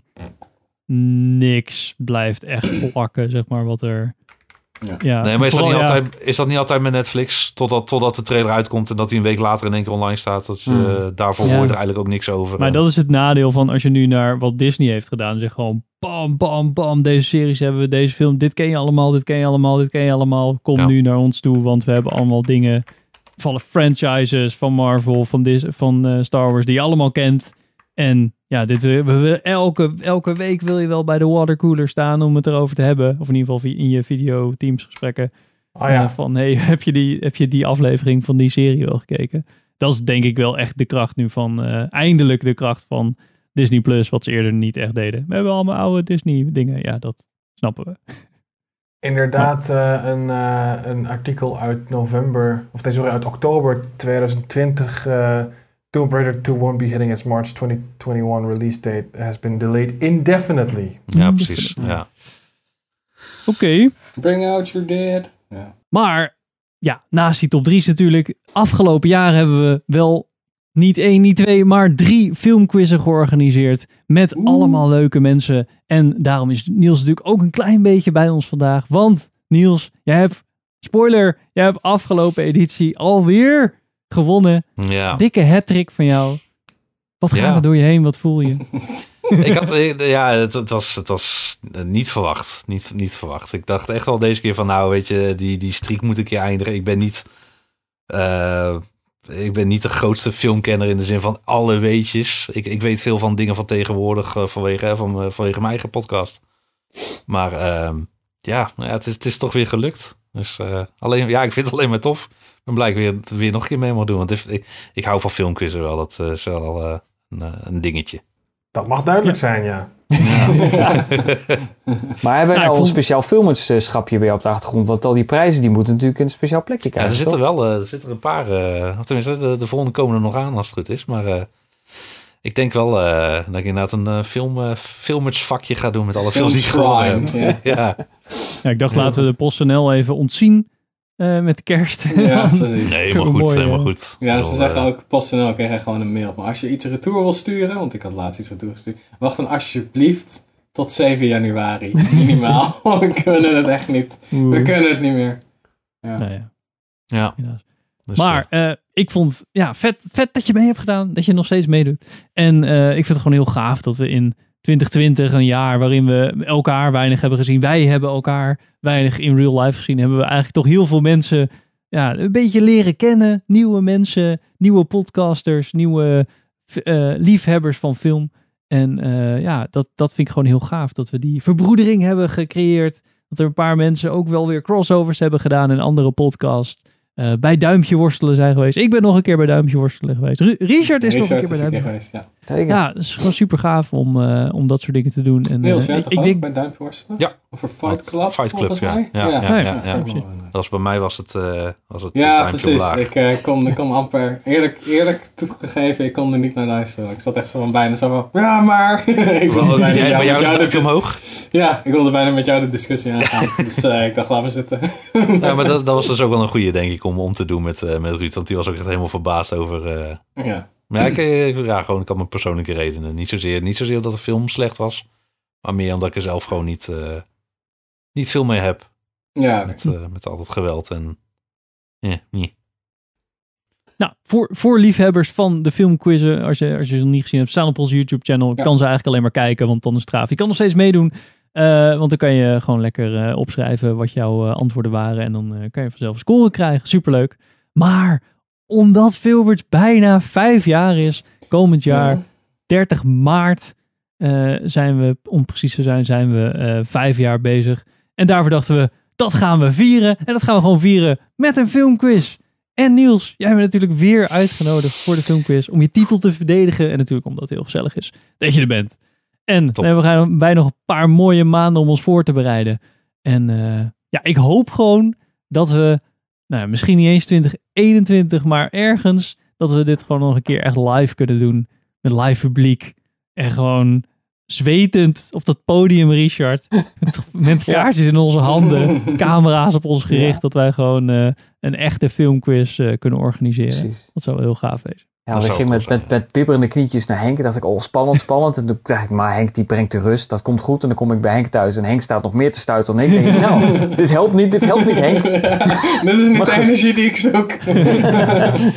Nou, dan konden we dit tenminste samen een beetje eh, Ja, dat precies. doen. Dat was wel lekker. Maar het is goed gekomen. En eh, het was inderdaad weer super tof om te doen. En leuk dat we bij elkaar konden zitten dit keer. Schermpje Ja, ertussen. en eh, achteraf Ja. was het ook wel grappig. Dat we Ja, even en nog natuurlijk de afterparty gehad in de, even in de jet met green room konden zitten, om het zo maar te zeggen. dat is nog wel leuk. Ja. Ja.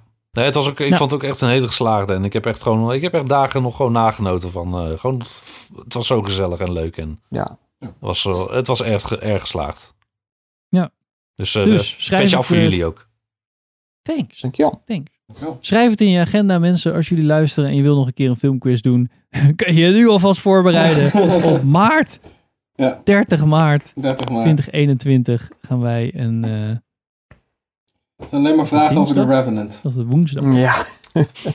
Wat was de eerste review van... Ja. Maar over, over reviews gesproken. Ehm, nou, we gaan niet een hele praattafel doen aan het eind van deze aflevering, want dat is wel echt heel veel weer. Ja. Maar we gaan het nog wel even hebben over, nou, denk ik wel. Ik vond het wel de, de leukste serie die ik in ieder geval eh, dit jaar heb gekeken. En waar ik eh, erg eh, blij mee was dat ik die heb gezien. The Mandalorian. You expect me to search the galaxy and deliver this creature to a race of enemy sorcerers? Seizoen 2. Yes. Wow. Ja. Is terug, baby. The universe is safe. Maar dat, nee, maar dat is echt hoor. Ja, ik Ik, was- 100%. ik, ik zat in zo'n donker gat na, na The Last Jedi. En, eh, ik heb toevallig eh, van de week nog eh, eh, Star Wars helemaal gekeken. Dus ook eh The Force Awakens. De laatste twee heb ik nog niet gezien. Die wil ik eigenlijk ook niet zien. Dan kijk je nu tegenaf natuurlijk. Ja, precies. Ja. Maar dat, ja, dat, toen, toen ik The Force Awakens zat te kijken, toen dacht ik wel echt bij mezelf van ja, nee, het- ja, dit heeft echt wel mijn, mijn, ik was echt wel Star Wars fan, maar dit heeft het gewoon echt een soort van, ja, teniet gedaan. Ja, teniet gedaan wil ik niet zeggen, want ik vind de eerste zes films nog steeds leuk om te kijken, maar ja, ik ben gewoon niet meer enthousiast, of ik was in ieder geval helemaal niet meer enthousiast over de, de nieuwe Star Wars content die eraan zat te komen. En The Mandalorian heeft echt wel weer een beetje dat, dat gevoel wat ik altijd had bij Star Wars. Van, oh ja, vet, weet je wel. Eh, dat teruggebracht. En ik heb, dat ik nu ook gewoon echt weer zin heb in wat er nu straks allemaal aan zit te komen. En ik ben ook dus weer daardoor eh 1 tot en met 6 gaan kijken. Ja, ik weet niet. eh, ik zit er wel weer helemaal in eigenlijk. En dat is echt wel gewoon te, te wijten aan The Mandalorian seizoen 2. Dat vind ik best wel een prestatie, eerlijk gezegd. Ja. En waar ik vooral, vooral blij mee ben, is dat, we, dat ik weer met iedereen eh, positief over Star Wars kan praten. Want ik ben, ik, ik ben de positieve Star Wars fan. En, ehm, maar daar gaan we het dus nou niet over hebben. Want ik denk dat we een enorme discussie kunnen gaan voeren. Ik vind The Force Awakens heel vet. Ik vind The Last Jedi super tof. En ik vond Rise Skywalker ook heel erg gaaf. Maar precies, eh, jullie dus ook... Nee, nee, nee, daarom. Ik zie, dat, dat is dus... over Mandalorian hebben? Ik, ik, Ja, had dat het na, ik- een tijdje had ik er gewoon geen zin meer eh, in als, als mega Star Wars fan om het over Star Wars te praten. Want ik ook met, met mijn co-host van, van Veelvers podcast, daar gingen we ook in discussie. Ik kon gewoon niet, niet relaxed over de Last Jedi praten of, of wat dan ook. Ik kon niks posten, want ik krijg een enorme uh, Lading laag over me heen. ja. En met de Mandalorian kan ik eindelijk gewoon weer praten van hoe vet was dit en, hoe, en iedereen vindt het tof. Dus daar ben ik vooral blij om. En ik, ik word sowieso altijd blij van nieuwe Star Wars dingen. Dus ja, ik heb gisteren ook weer de Force Awakens gekeken. En ik ga eh, ook nog de Last Jedi kijken en de Rise Skywalker eh, weer even erachter. En ja, ik, ik, ik word er gewoon vrolijk van. Het is gewoon Star Wars. En het is zijn misschien inderdaad niet de allerbeste, maar het is Star Wars. Het brengt me weer terug dat universum in. En er zitten ook heel veel toffe dingen in. Ik bedoel, zonder eh Rise Skywalker hadden wij niet eh, mijn, eh, mijn nieuwe toekomstige zoon Babu Frick eh, gehad. Ik, Is ik dat, wil niet, nog... is dat niet Ross Skywalker? Dat was Rise Skywalker, ja, ja, ja. Ja, Babu Frick. ja, ja, ja, ja. En, en er zitten zoveel leuke dingen in, maar Mandalorian laten we daar gewoon lekker over. Maar Ja. even full disclosure, eh, is vet. Sander vindt het vet. Sander is weer helemaal terug. Maar eh, full, full spoilers. Dus iedereen eh, de laatste Ja, episode gekeken en dan kunnen we het daar gewoon helemaal over hebben. Dus als je, Ja, als je ja, de Mandalorian nog niet helemaal hebt gezien, eh, luister dit vooral niet. Stop, stop nu. We gaan daarna Tot de niet volgende keer. heel veel dingen zeggen. Ja, precies. Tot de volgende keer. Dan kunnen we nu even lekker helemaal hebben over de Mandalorian, het einde en eh, wat we allemaal in de laatste episodes gezien hebben. Ik heb jullie, ik, heb nog, ik wilde eigenlijk nog even jullie stukje waarin ik toen mijn oortje uit heb gedaan toen jullie het over de Mandalorian gingen hebben eh, van de vorige episode eh, van onze aflevering luisteren, maar dat heb ik niet gedaan, want daar had ik geen tijd voor. Maar Nee, ja, eh, snap ik hoop dat ik dus niet dubbele dingen zeg. mij De laatste, laatste nog niet gezien. Ja, toen misten Ik we weet volgens mij nog drie afleveringen of zo. Nou meer. ja, Ja, zoiets, ja. Dus Gaan we Ik het weet echt niet meer waar we ik- het over hadden, hebben gehad toen eigenlijk. Wat dan zo Volgens mij was de laatste aflevering toen eh, soort met Ahsoka. rare filler-achtige... Nou ja, die. Oh, natuurlijk. Of die filler-achtige episode. Dat is de enige van seizoen 2 waarvan ik dacht van... Hè? Oeh. Dat ze dan eh, in dat geheime lab komen en dat soort Ja. shit. Dat hij weer zijn schip laat repareren. En Dat voelde als een filler totdat we bij het einde komen. En dat we het gaan hebben over de, de M-counts. midichlorians worden, worden gewoon weer genoemd. Alleen ze durven Ja, niet ja. midichlorians te noemen. Ja, en is- wat, ik, het is- wat ik denk is dat, dat we toch een soort van Snoke-achtig iets in die, in die tank zagen. Dus het, het voelde als een filler totdat het einde... Dat, dat het toch weer even iets meer gaat met, met het klonen. En eh, ook waarschijnlijk precies. weer een linkje naar, naar de Hmm. toekomst. Ja, Ja, ik, ik vond las laatst die het, hele eh, aflevering, die structuur van die aflevering, vond ik echt zo raar. Daar hadden ze veel meer mee kunnen doen, maar daar heb ik het volgens mij eerder al over gehad. Denk ik. Is dat niet toevallig ook de aflevering van Bryce Dallas Howard? Dat zou me niks Nee, dat was die van. Carl Weathers. Die, Oh. eh, met, eh, Ja. met, met Ja, ik vond het heel vreemd. Ik vond het echt zo heel erg, het sprong heel erg hak op de tak. Dat vond ik eh, een beetje vervelend. Het voelde echt zo van, oh, eigenlijk is, eigenlijk is, eigenlijk is The Mandalorian is gewoon een serie sidequests en een goede RPG, die ook tof zijn. En deze kwam veel meer, aan, veel meer over als een soort van fetch quest. Van, oh, je moet even dit doen snel. Want we missen de karakters, dus je moet even terugkomen. Dat is de enige, het enige negatieve van, eh, van, negatieve van een aflevering van seizoen 2 die ik heb. Echt, als het gaat om structuur en hoe kijkbaar Mhm. het is. En dat, eigenlijk. Nee, dat was ook wel, dat is wel een beetje mijn argument wat ik nog wilde maken waarom ik het iets minder vet vind, is dat ik wel vind dat de, man, of de Mandalorian, dat hij wel elke keer zeg maar, inderdaad, hij heeft een quest en dan, oh ja, maar wil je even dit voor me doen? Oké. En dan, het is de hele, hij is wel heel erg Ja, zo van, ja, je dat moet er had even ik dit ook voor heel erg. Maar Hebben tot, jullie- tot- Oh, sorry, ga verder. Nee, nee, dan ga verder. Tot, tot. Nou, ik had dat ook, maar totdat je op een gegeven moment bij aflevering, volgens mij eh 12 of 13 was dat. Dus dat je echt bij Ahsoka, en toen begon Mhm. er echt een soort van verhaal Jedi. te lopen. Ja, en toen 12, had ik dat niet meer.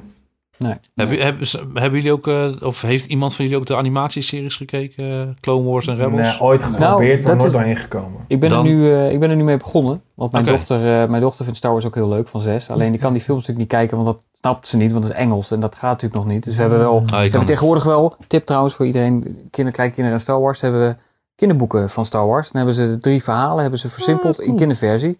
Superleuk. Maar dat ja, en eh, eh, Star Wars Kids YouTube kanaal heeft ook allemaal van die hele korte Ja. shorts over de personages. Die ook wel heel, eh, heel, heel cool. Nou, nu zijn we, ben ik met haar ben ik begonnen aan de Clone Wars nu. Dus dat, eh, Ah ja. dat is wel leuk. Ik denk, ja, dan heb ik ook een reden om het te kijken. En De dan kijk ik het nu alleen. kloonoorlogen. Waar, waar zit je nu, Richard? Want ik heb ooit dus seizoen 1 Aflevering daarvan twee. gekeken. Oh, oké. Als We jij, zijn net begonnen. Sandra, als je seizoen 1 even doorheen gaat en je gaat daarna gewoon verder. En er zitten ook veel afleveringen in, die zitten er zeker in. Maar het wordt, eh, en zeker, eh, uiteindelijk hebben ze eh Dave Filoni, die dus eh, ook hier aan, aan, aan de Mandalorian heeft meegewerkt. Die, heeft dus ook, die was de soort van de tweede, de rechterhand van George Lucas in de tijd Ja. van de Clone Wars. Dus die, die heeft heel veel bedacht. Ahsoka is ook echt zijn geestenkindje. En ehm, als, je, als je seizoen 1 even doorgaat en je gaat daarna door met seizoen 2, dan op sommige momenten krijg je gewoon Star Wars storytelling op to the max. Er zit echt een hele Ja. vet aflevering bij. En het laatste seizoen, ja. seizoen 7, is echt, dat is waanzinnig goed. En, de, en het, ik, Ik als Star Wars fan... vinden, maar ik weet in ieder geval door seizoen 1, kwa- ik kwam er gewoon niet doorheen. Maar Nee. Eh, Maar het, gaat, het, wordt, het wordt echt beter. En Rebels heeft ook hele vette verhaallijnen en, eh, en dingen. En die helpen dus ook mee. En dat ben ik dus benieuwd naar. Dus eh, misschien dan m- mijn vraag aan jullie over deze Mandalorian seizoen. Als je het vergelijkt met seizoen 1. ehm, seizoen 1 is voor iedereen nieuw. We krijgen de Mandalorian, we krijgen Grief Karga, Cara Dune, The Child. Dat is allemaal nieuw. Maar in Mhm. dit krijgen we Ahsoka, Bo-Katan. Voor jullie dus allemaal nieuwe namen. Ja. En voor mij, Hm? ik ken hun backstories al helemaal. Ik weet wie Ahsoka is, ik weet wie Bo-Katan is. Ik wist eh, dat eh Moff Gideon de Darksaber had. Ik weet het verhaal van de Darksaber. Hmm. Of of voelde dit seizoen dan misschien niet toch meer al meer insight? Nee, ik heb er helemaal geen last van. Ik Niet? heb meestal niet zo'n Nee. last met, van dat soort dingen. Oké. Maar ik vind het juist wel tof dat er wat mysterie aan zit. Zo van, ah oké, ja, er zit een diepere laag onder en die weet ik nog niet. En dat vind ik altijd, dat vind ik het leuke aan storytelling in een groot universum. Dus dat als je het op wil zoeken, dan kan je het vinden. Maar ik vind het ook gewoon leuk om gewoon te denken, hier zit een heel verhaal achter, maar dat weet ik nu nog niet. Of dat Ja. ga ik ooit een keer ontdekken of zoiets. Ik, ik- dat is een heel goed punt. Ik denk dat dat ook is waarom ik fantasy vaak zo tof vind. Omdat dat vaak in een geschapen universum, net case in point Lord of the Rings of Game of Thrones, plaatsvindt. Als er dan inderdaad een keer over, weet ik veel, over een bepaard legendarisch zwaard gaat of zo. Kun je het helemaal uit gaan zoeken van wat de fuck is dat en wat is het verhaal van die zwaard en wie, waar komt het vandaan en waarom is het speciaal. Maar dat hoeft niet, weet je wel. Ja. En dan is het een soort van mysterie. Ja, dat vind ik ook fijn En- dit hele seizoen 2 eigenlijk. Van, ze leggen niet alles uit. Is gewoon, ja, we doen dit en dit en dit en that's it. Want de Mandalorian zelf weet dat ook niet allemaal. En hij komt ook achter een soort van geheimen. Het is veel groter dan hemzelf. Ja. Dus hij loopt eigenlijk gewoon, het is gewoon zo'n Ronin Samurai cowboy film. Hij loopt ergens binnen en dan komt hij erachter van, wacht even, hier is veel meer aan de hand dan, dan dat ik op eerste, eerste indruk kan zien. En dat maakt het wel interessant. Ik denk dat je het ook wel voelt hoor. Als je, als je kijkt naar Lord of the Rings, daar wordt in die films wordt natuurlijk niet alles verteld, maar op een of andere manier voelt, nou ja, misschien Het voelt een beetje goed. zweverig. Het voelt de inderdaad goed. ja. Het voelt alsof er nog veel rijker universum achter zit. En als je dan bijvoorbeeld kijkt naar eh, eh, Warcraft, dan is het, het is flinterdun, zeg maar. Dan, Ja, dan zie je ja. gewoon het cardboard staan. Zo van, ja, we hebben hele vette sets gemaakt en coole... Ja, het Ja, gaat ook een beetje gewoon- om eh, hoe de personages ermee omgaan. Maar iedereen behandelt soort van bepaalde objecten met heel veel respect. En dan wil je altijd weten, oké, hier, hier, hier is wat mee gebeurd. Of dit is van een vorige oorlog, of dit komt ergens vandaan, of whatever. En dat is juist wel heel tof. Ja. Ja. En het is soms ook zo lekker subtiel. Hè? Dat is natuurlijk als je nu naar Boba Fett kijkt, dat pak, of eh, dat hij dat, dat pak krijgt van Boba Fett in het begin van, de, van seizoen 2. Ja. Dat je echt die plek ziet waar hij geraakt is in Return of the Jedi. En al die krasjes en al, het is allemaal zo met zoveel liefde weer teruggehaald. En je, je kunt dat allemaal niet zien, maar als fan, nou, vooral Niels zal dat natuurlijk waarschijnlijk iedere seconde hebben gehad bij de Mandalorian. Dat je constant denkt, oh dit zit erin, oh dit zit er, oh daar hebben ze ook aan gedacht. En het is zo, je voelt dat het met zoveel liefde en aandacht Ja. gemaakt is. En Maar dat zonder straalt dat het ook het- uit. Ja, Zonder dat het het, zeg maar, zo- wordt. Ja. Het slaat je niet over de kop zo met, Nee. oh ken je deze personage, ken je dit personage? ja, nee, het is gewoon, wat oh, hier op de achtergrond. Oh, heb je Darth Vader. Ja. Ja.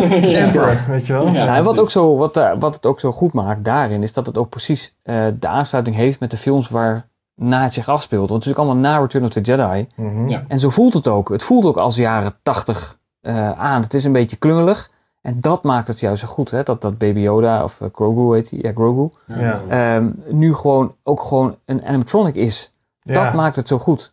Je gelooft het, je, je voelt Ja, die feeling. En ik denk dat dat, dat maakt die, die serie nu zo, eh tenminste voor mij, Maar, zo ik- maar ja. daar vind ik wel als, eh, dat ze wel voor een serie echt wel goed de, de pakken en dat soort dingen, die zien er echt gewoon wel Hmm. mega Ja, kan dat- dat vind ik dat- in geïnvesteerd is. Dat, is Dat vind ik grappig, want je ziet echt eh, als eh, je ziet dat ze gewoon alle kostuums van Rogue One en, eh, en Solo eh, hier bij elkaar gooien. Want als je kijkt naar de ene laatste aflevering, de, eh, de Believer met, eh met eh eh, Mayveld, Bill Hmm. Burr. Ja. Ja, zij hebben, zij hebben dan, als zij zijn, zij, zij, die drivers dan van die Juggernaut eh, machine. Ja. Ja. Het is, het is het kostuum van een muttrooper uit de solo-film met een helm van tankdriver uit Rogue One. En dan hebben ze die helm een ander kleurtje gegeven. Dus het ziet er daarom zo vet uit, omdat ze al die pakken van de, gewoon, ja. de twee vette films Solo en Rogue One, die in de juiste tijd spelen van wat, wat iedereen zo eh, geliefd, eh, bij, bij iedereen zo geliefd is, de juiste tijd van Star Wars.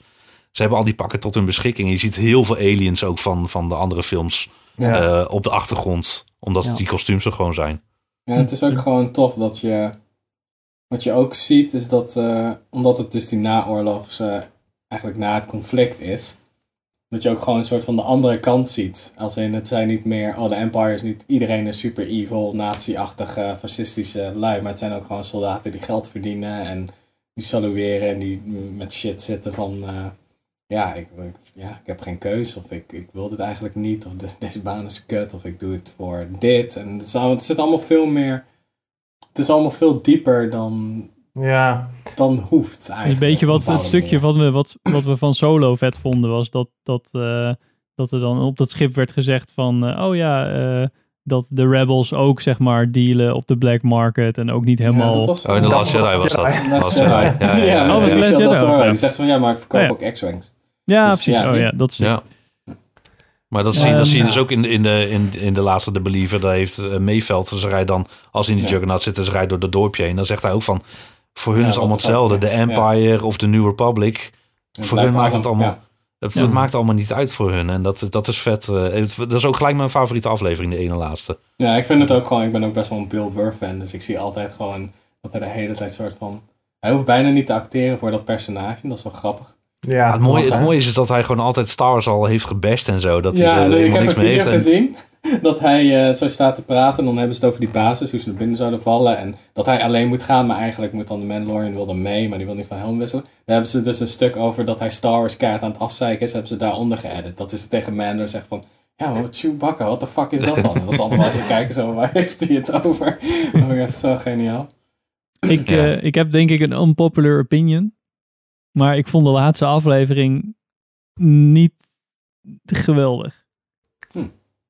Ik ga, ben het met je eens. Of tenminste, niet geweldig, dat, dat niet. Maar eh, kijk, het look momentje is natuurlijk waanzinnig. Dat is gewoon echt mindblowing van vet, ze, doen dit. En eh, ik denk dat iedereen diezelfde mening heeft van... eh, net als Cara doen, dat er één X-Wing eraan komt. Dat ze denkt, one X-Wing. En ik denk ook van one X-Wing. En toen dacht van, one X-Wing. Holy crap, gaan ze het doen? En, en, ehm, maar ik vind, ja, daarom de, de, de, de Believer, de aflevering daarvoor... Dat was voor mij mijn favoriete aflevering. Omdat het, het- ze gaan- ze gaan zo diep in het verhaal. Ze gaan zo diep in. Meeveld is zo goed. Ik, ik, vond, ik vond Meeveld in seizoen 1 niet zo heel tof. Met zijn guns Nee, en die aflevering zijn keiharde Boston nee. accent. Ja. Die aflevering was inderdaad ook wat minder. Maar Bill Burr heeft zich zo goed weggezet in deze, in deze eh, nieuwe aflevering. En het mooie ook is dat wanneer de Mandalorian zijn, af, zijn helm afzet... en voor het eerst zijn helm afzet Bij in mensen. bijzijn bij mensen...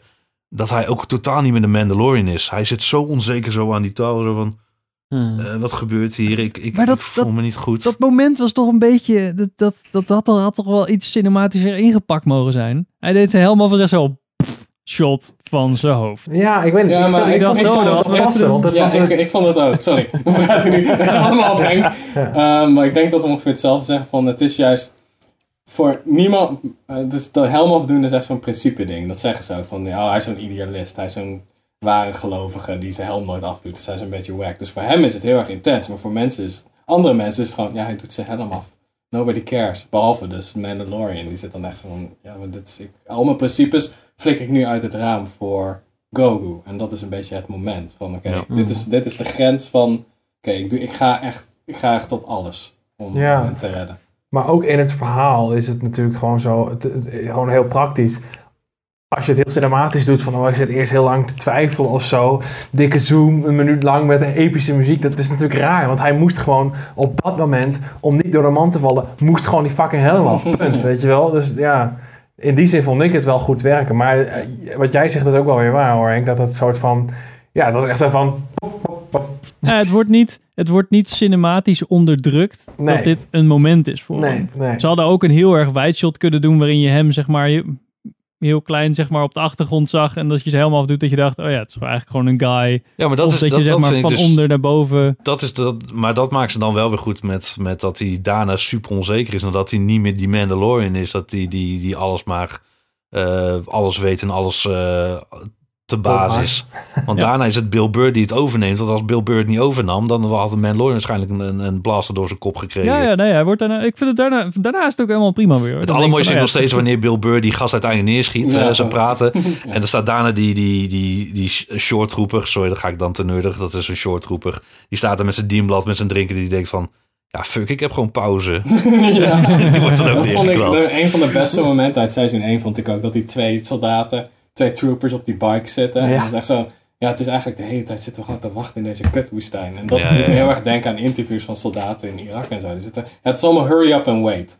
Dat is eigenlijk een soort van me- 90% van je soldatenleven. Als je infanterie bent, dan zit je gewoon de hele tijd in zand en dan wacht je op orders en dan gaat het niet door op het laatste moment. Dat is een beetje het hele ding. En dat vond ik wel tof. En ik, hadden- de Luke reveal, aan de ene kant vond ik dat wel cool. Aan de andere kant hadden ze dat gezicht wel beter kunnen doen. En ehm, ik vind het dan wel weer soort van jammer, omdat het dan... Ik had gehoopt dat ze nog een seizoen zouden doen voordat ze echt helemaal weer verbonden waren met de trilogie. Maar Ik vond het bijzondere aan, Mm. Ja. aan deze serie is dat je niet aan die dynastie shit vastzit voor een tijd. Dus ja.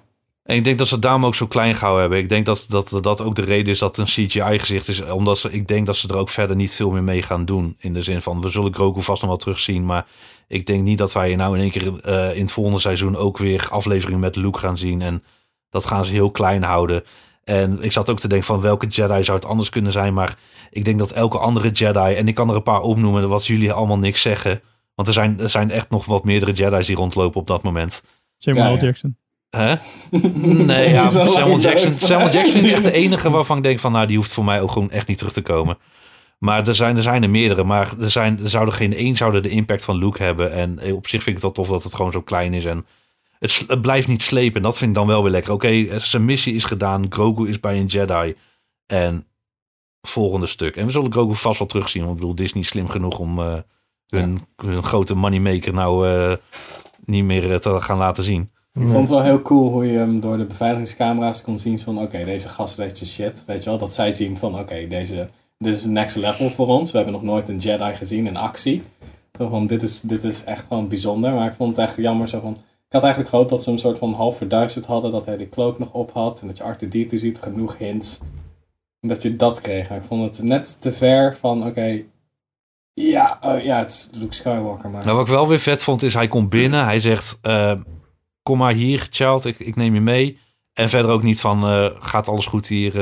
eh, moet ik Moff Gideon eh, meenemen of wat dan ook? Nee, hij komt gewoon binnen. Ik ben hier voor de child. Ik neem hem mee en ik ben weer pleiten. Ja. Want dit is, eh, daarvoor kom ik hier. Het is de, het is de Jedi Master die we, die, die we nou zien. Wat vind jij ervan, Sander? Ja, ik wil eigenlijk vragen, wat, wat, wat, wat jou net iets zeggen. Wat wil je zeggen? Nou ja, ja ik, ik, ik had hetzelfde als, als wat Pim een beetje had. Van, moet dit nou echt getied in worden weer met de Skywalker Nou, saga? Ja, je kon erop wachten natuurlijk, want Ja, ja, Yoda. precies. Maar ik had gehoopt dat er nog een seizoen tussen zou zitten. Ja. Ik vind het fanservice to the max, maar ik vind het wel een soort van... De opbouw vond ik goed genoeg om het inderdaad... Ja, eh, verdiende fanservice. Ja, precies. En, eh, en ik denk wat, wat Niels zegt, dat denk ik ook. Ik denk niet dat dit nou iets is dat we ineens... Nee. Dat Luke ineens een, een, eh, een main of, of, of misschien zelfs een, een side character wordt in het volgende seizoen of zo. Ik denk dat dit het gewoon is. En waarschijnlijk zien we Grogu vast nog wel een keer terug. Eh, want ik zou ook eigenlijk niet weten waar die serie verder nog heen gaat.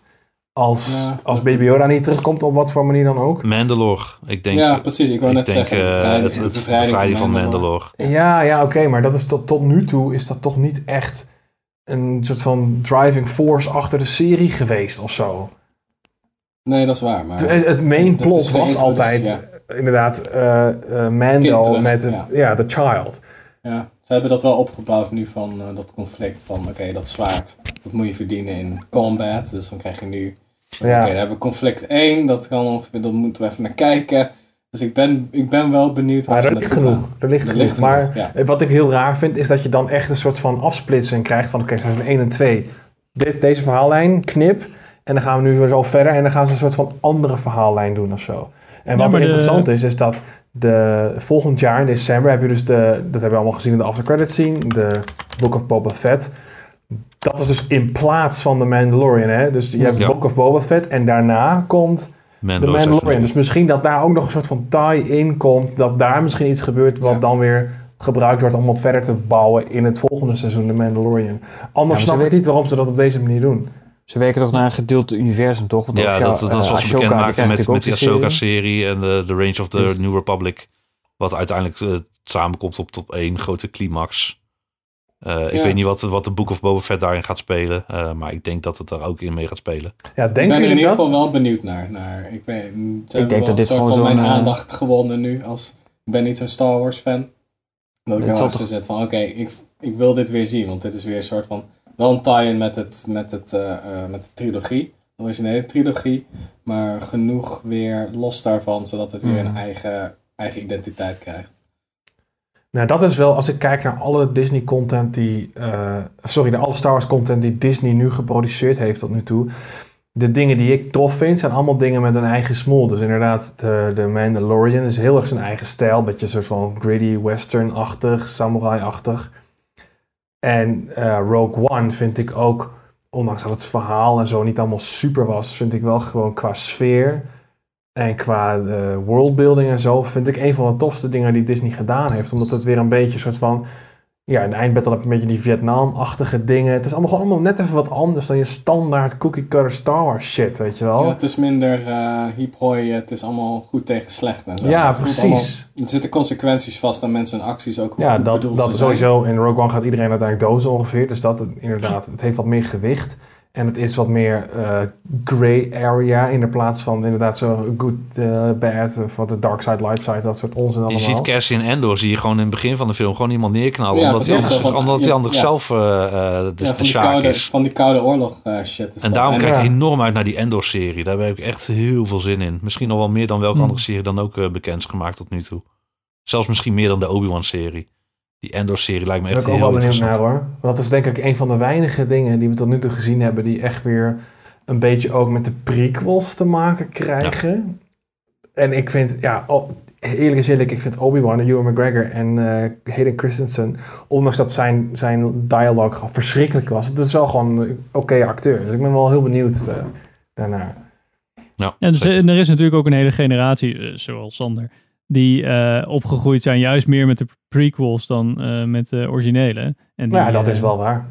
Dus dan, Nou ja, ja. als je daarmee het kan fanservicen en dat daarnaast nog dat je, ja, als je, als je het wel goed kan schrijven en wel ja, hetzelfde soort van, ja precies, hetzelfde soort van Mandalorian-achtig eh, pad neemt van, oh ja, als we heel veel van die tie-ins doen in, in eigenlijk alle worldbuilding die we al gedaan hebben, dat mensen dat heel cool vinden.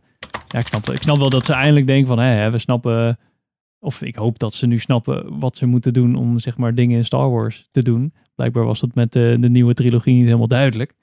Nee, ik denk echt dat het met, met het leiderschap van Kathleen Kennedy heeft gewoon of een gebrek aan visie of een, een, een, een visie waar dus de Star Wars fans niet mee kan pleasen of zo. Ik denk echt dat nu onder leiding van Dave Filoni, die dus inderdaad heel veel Star Wars ervaring heeft met eh, de Clone Wars, en John Favreau, die gewoon echt een veteran filmmaker is, die ook met, met Marvel natuurlijk heel veel van dit soort dingen heel goed heeft gedaan.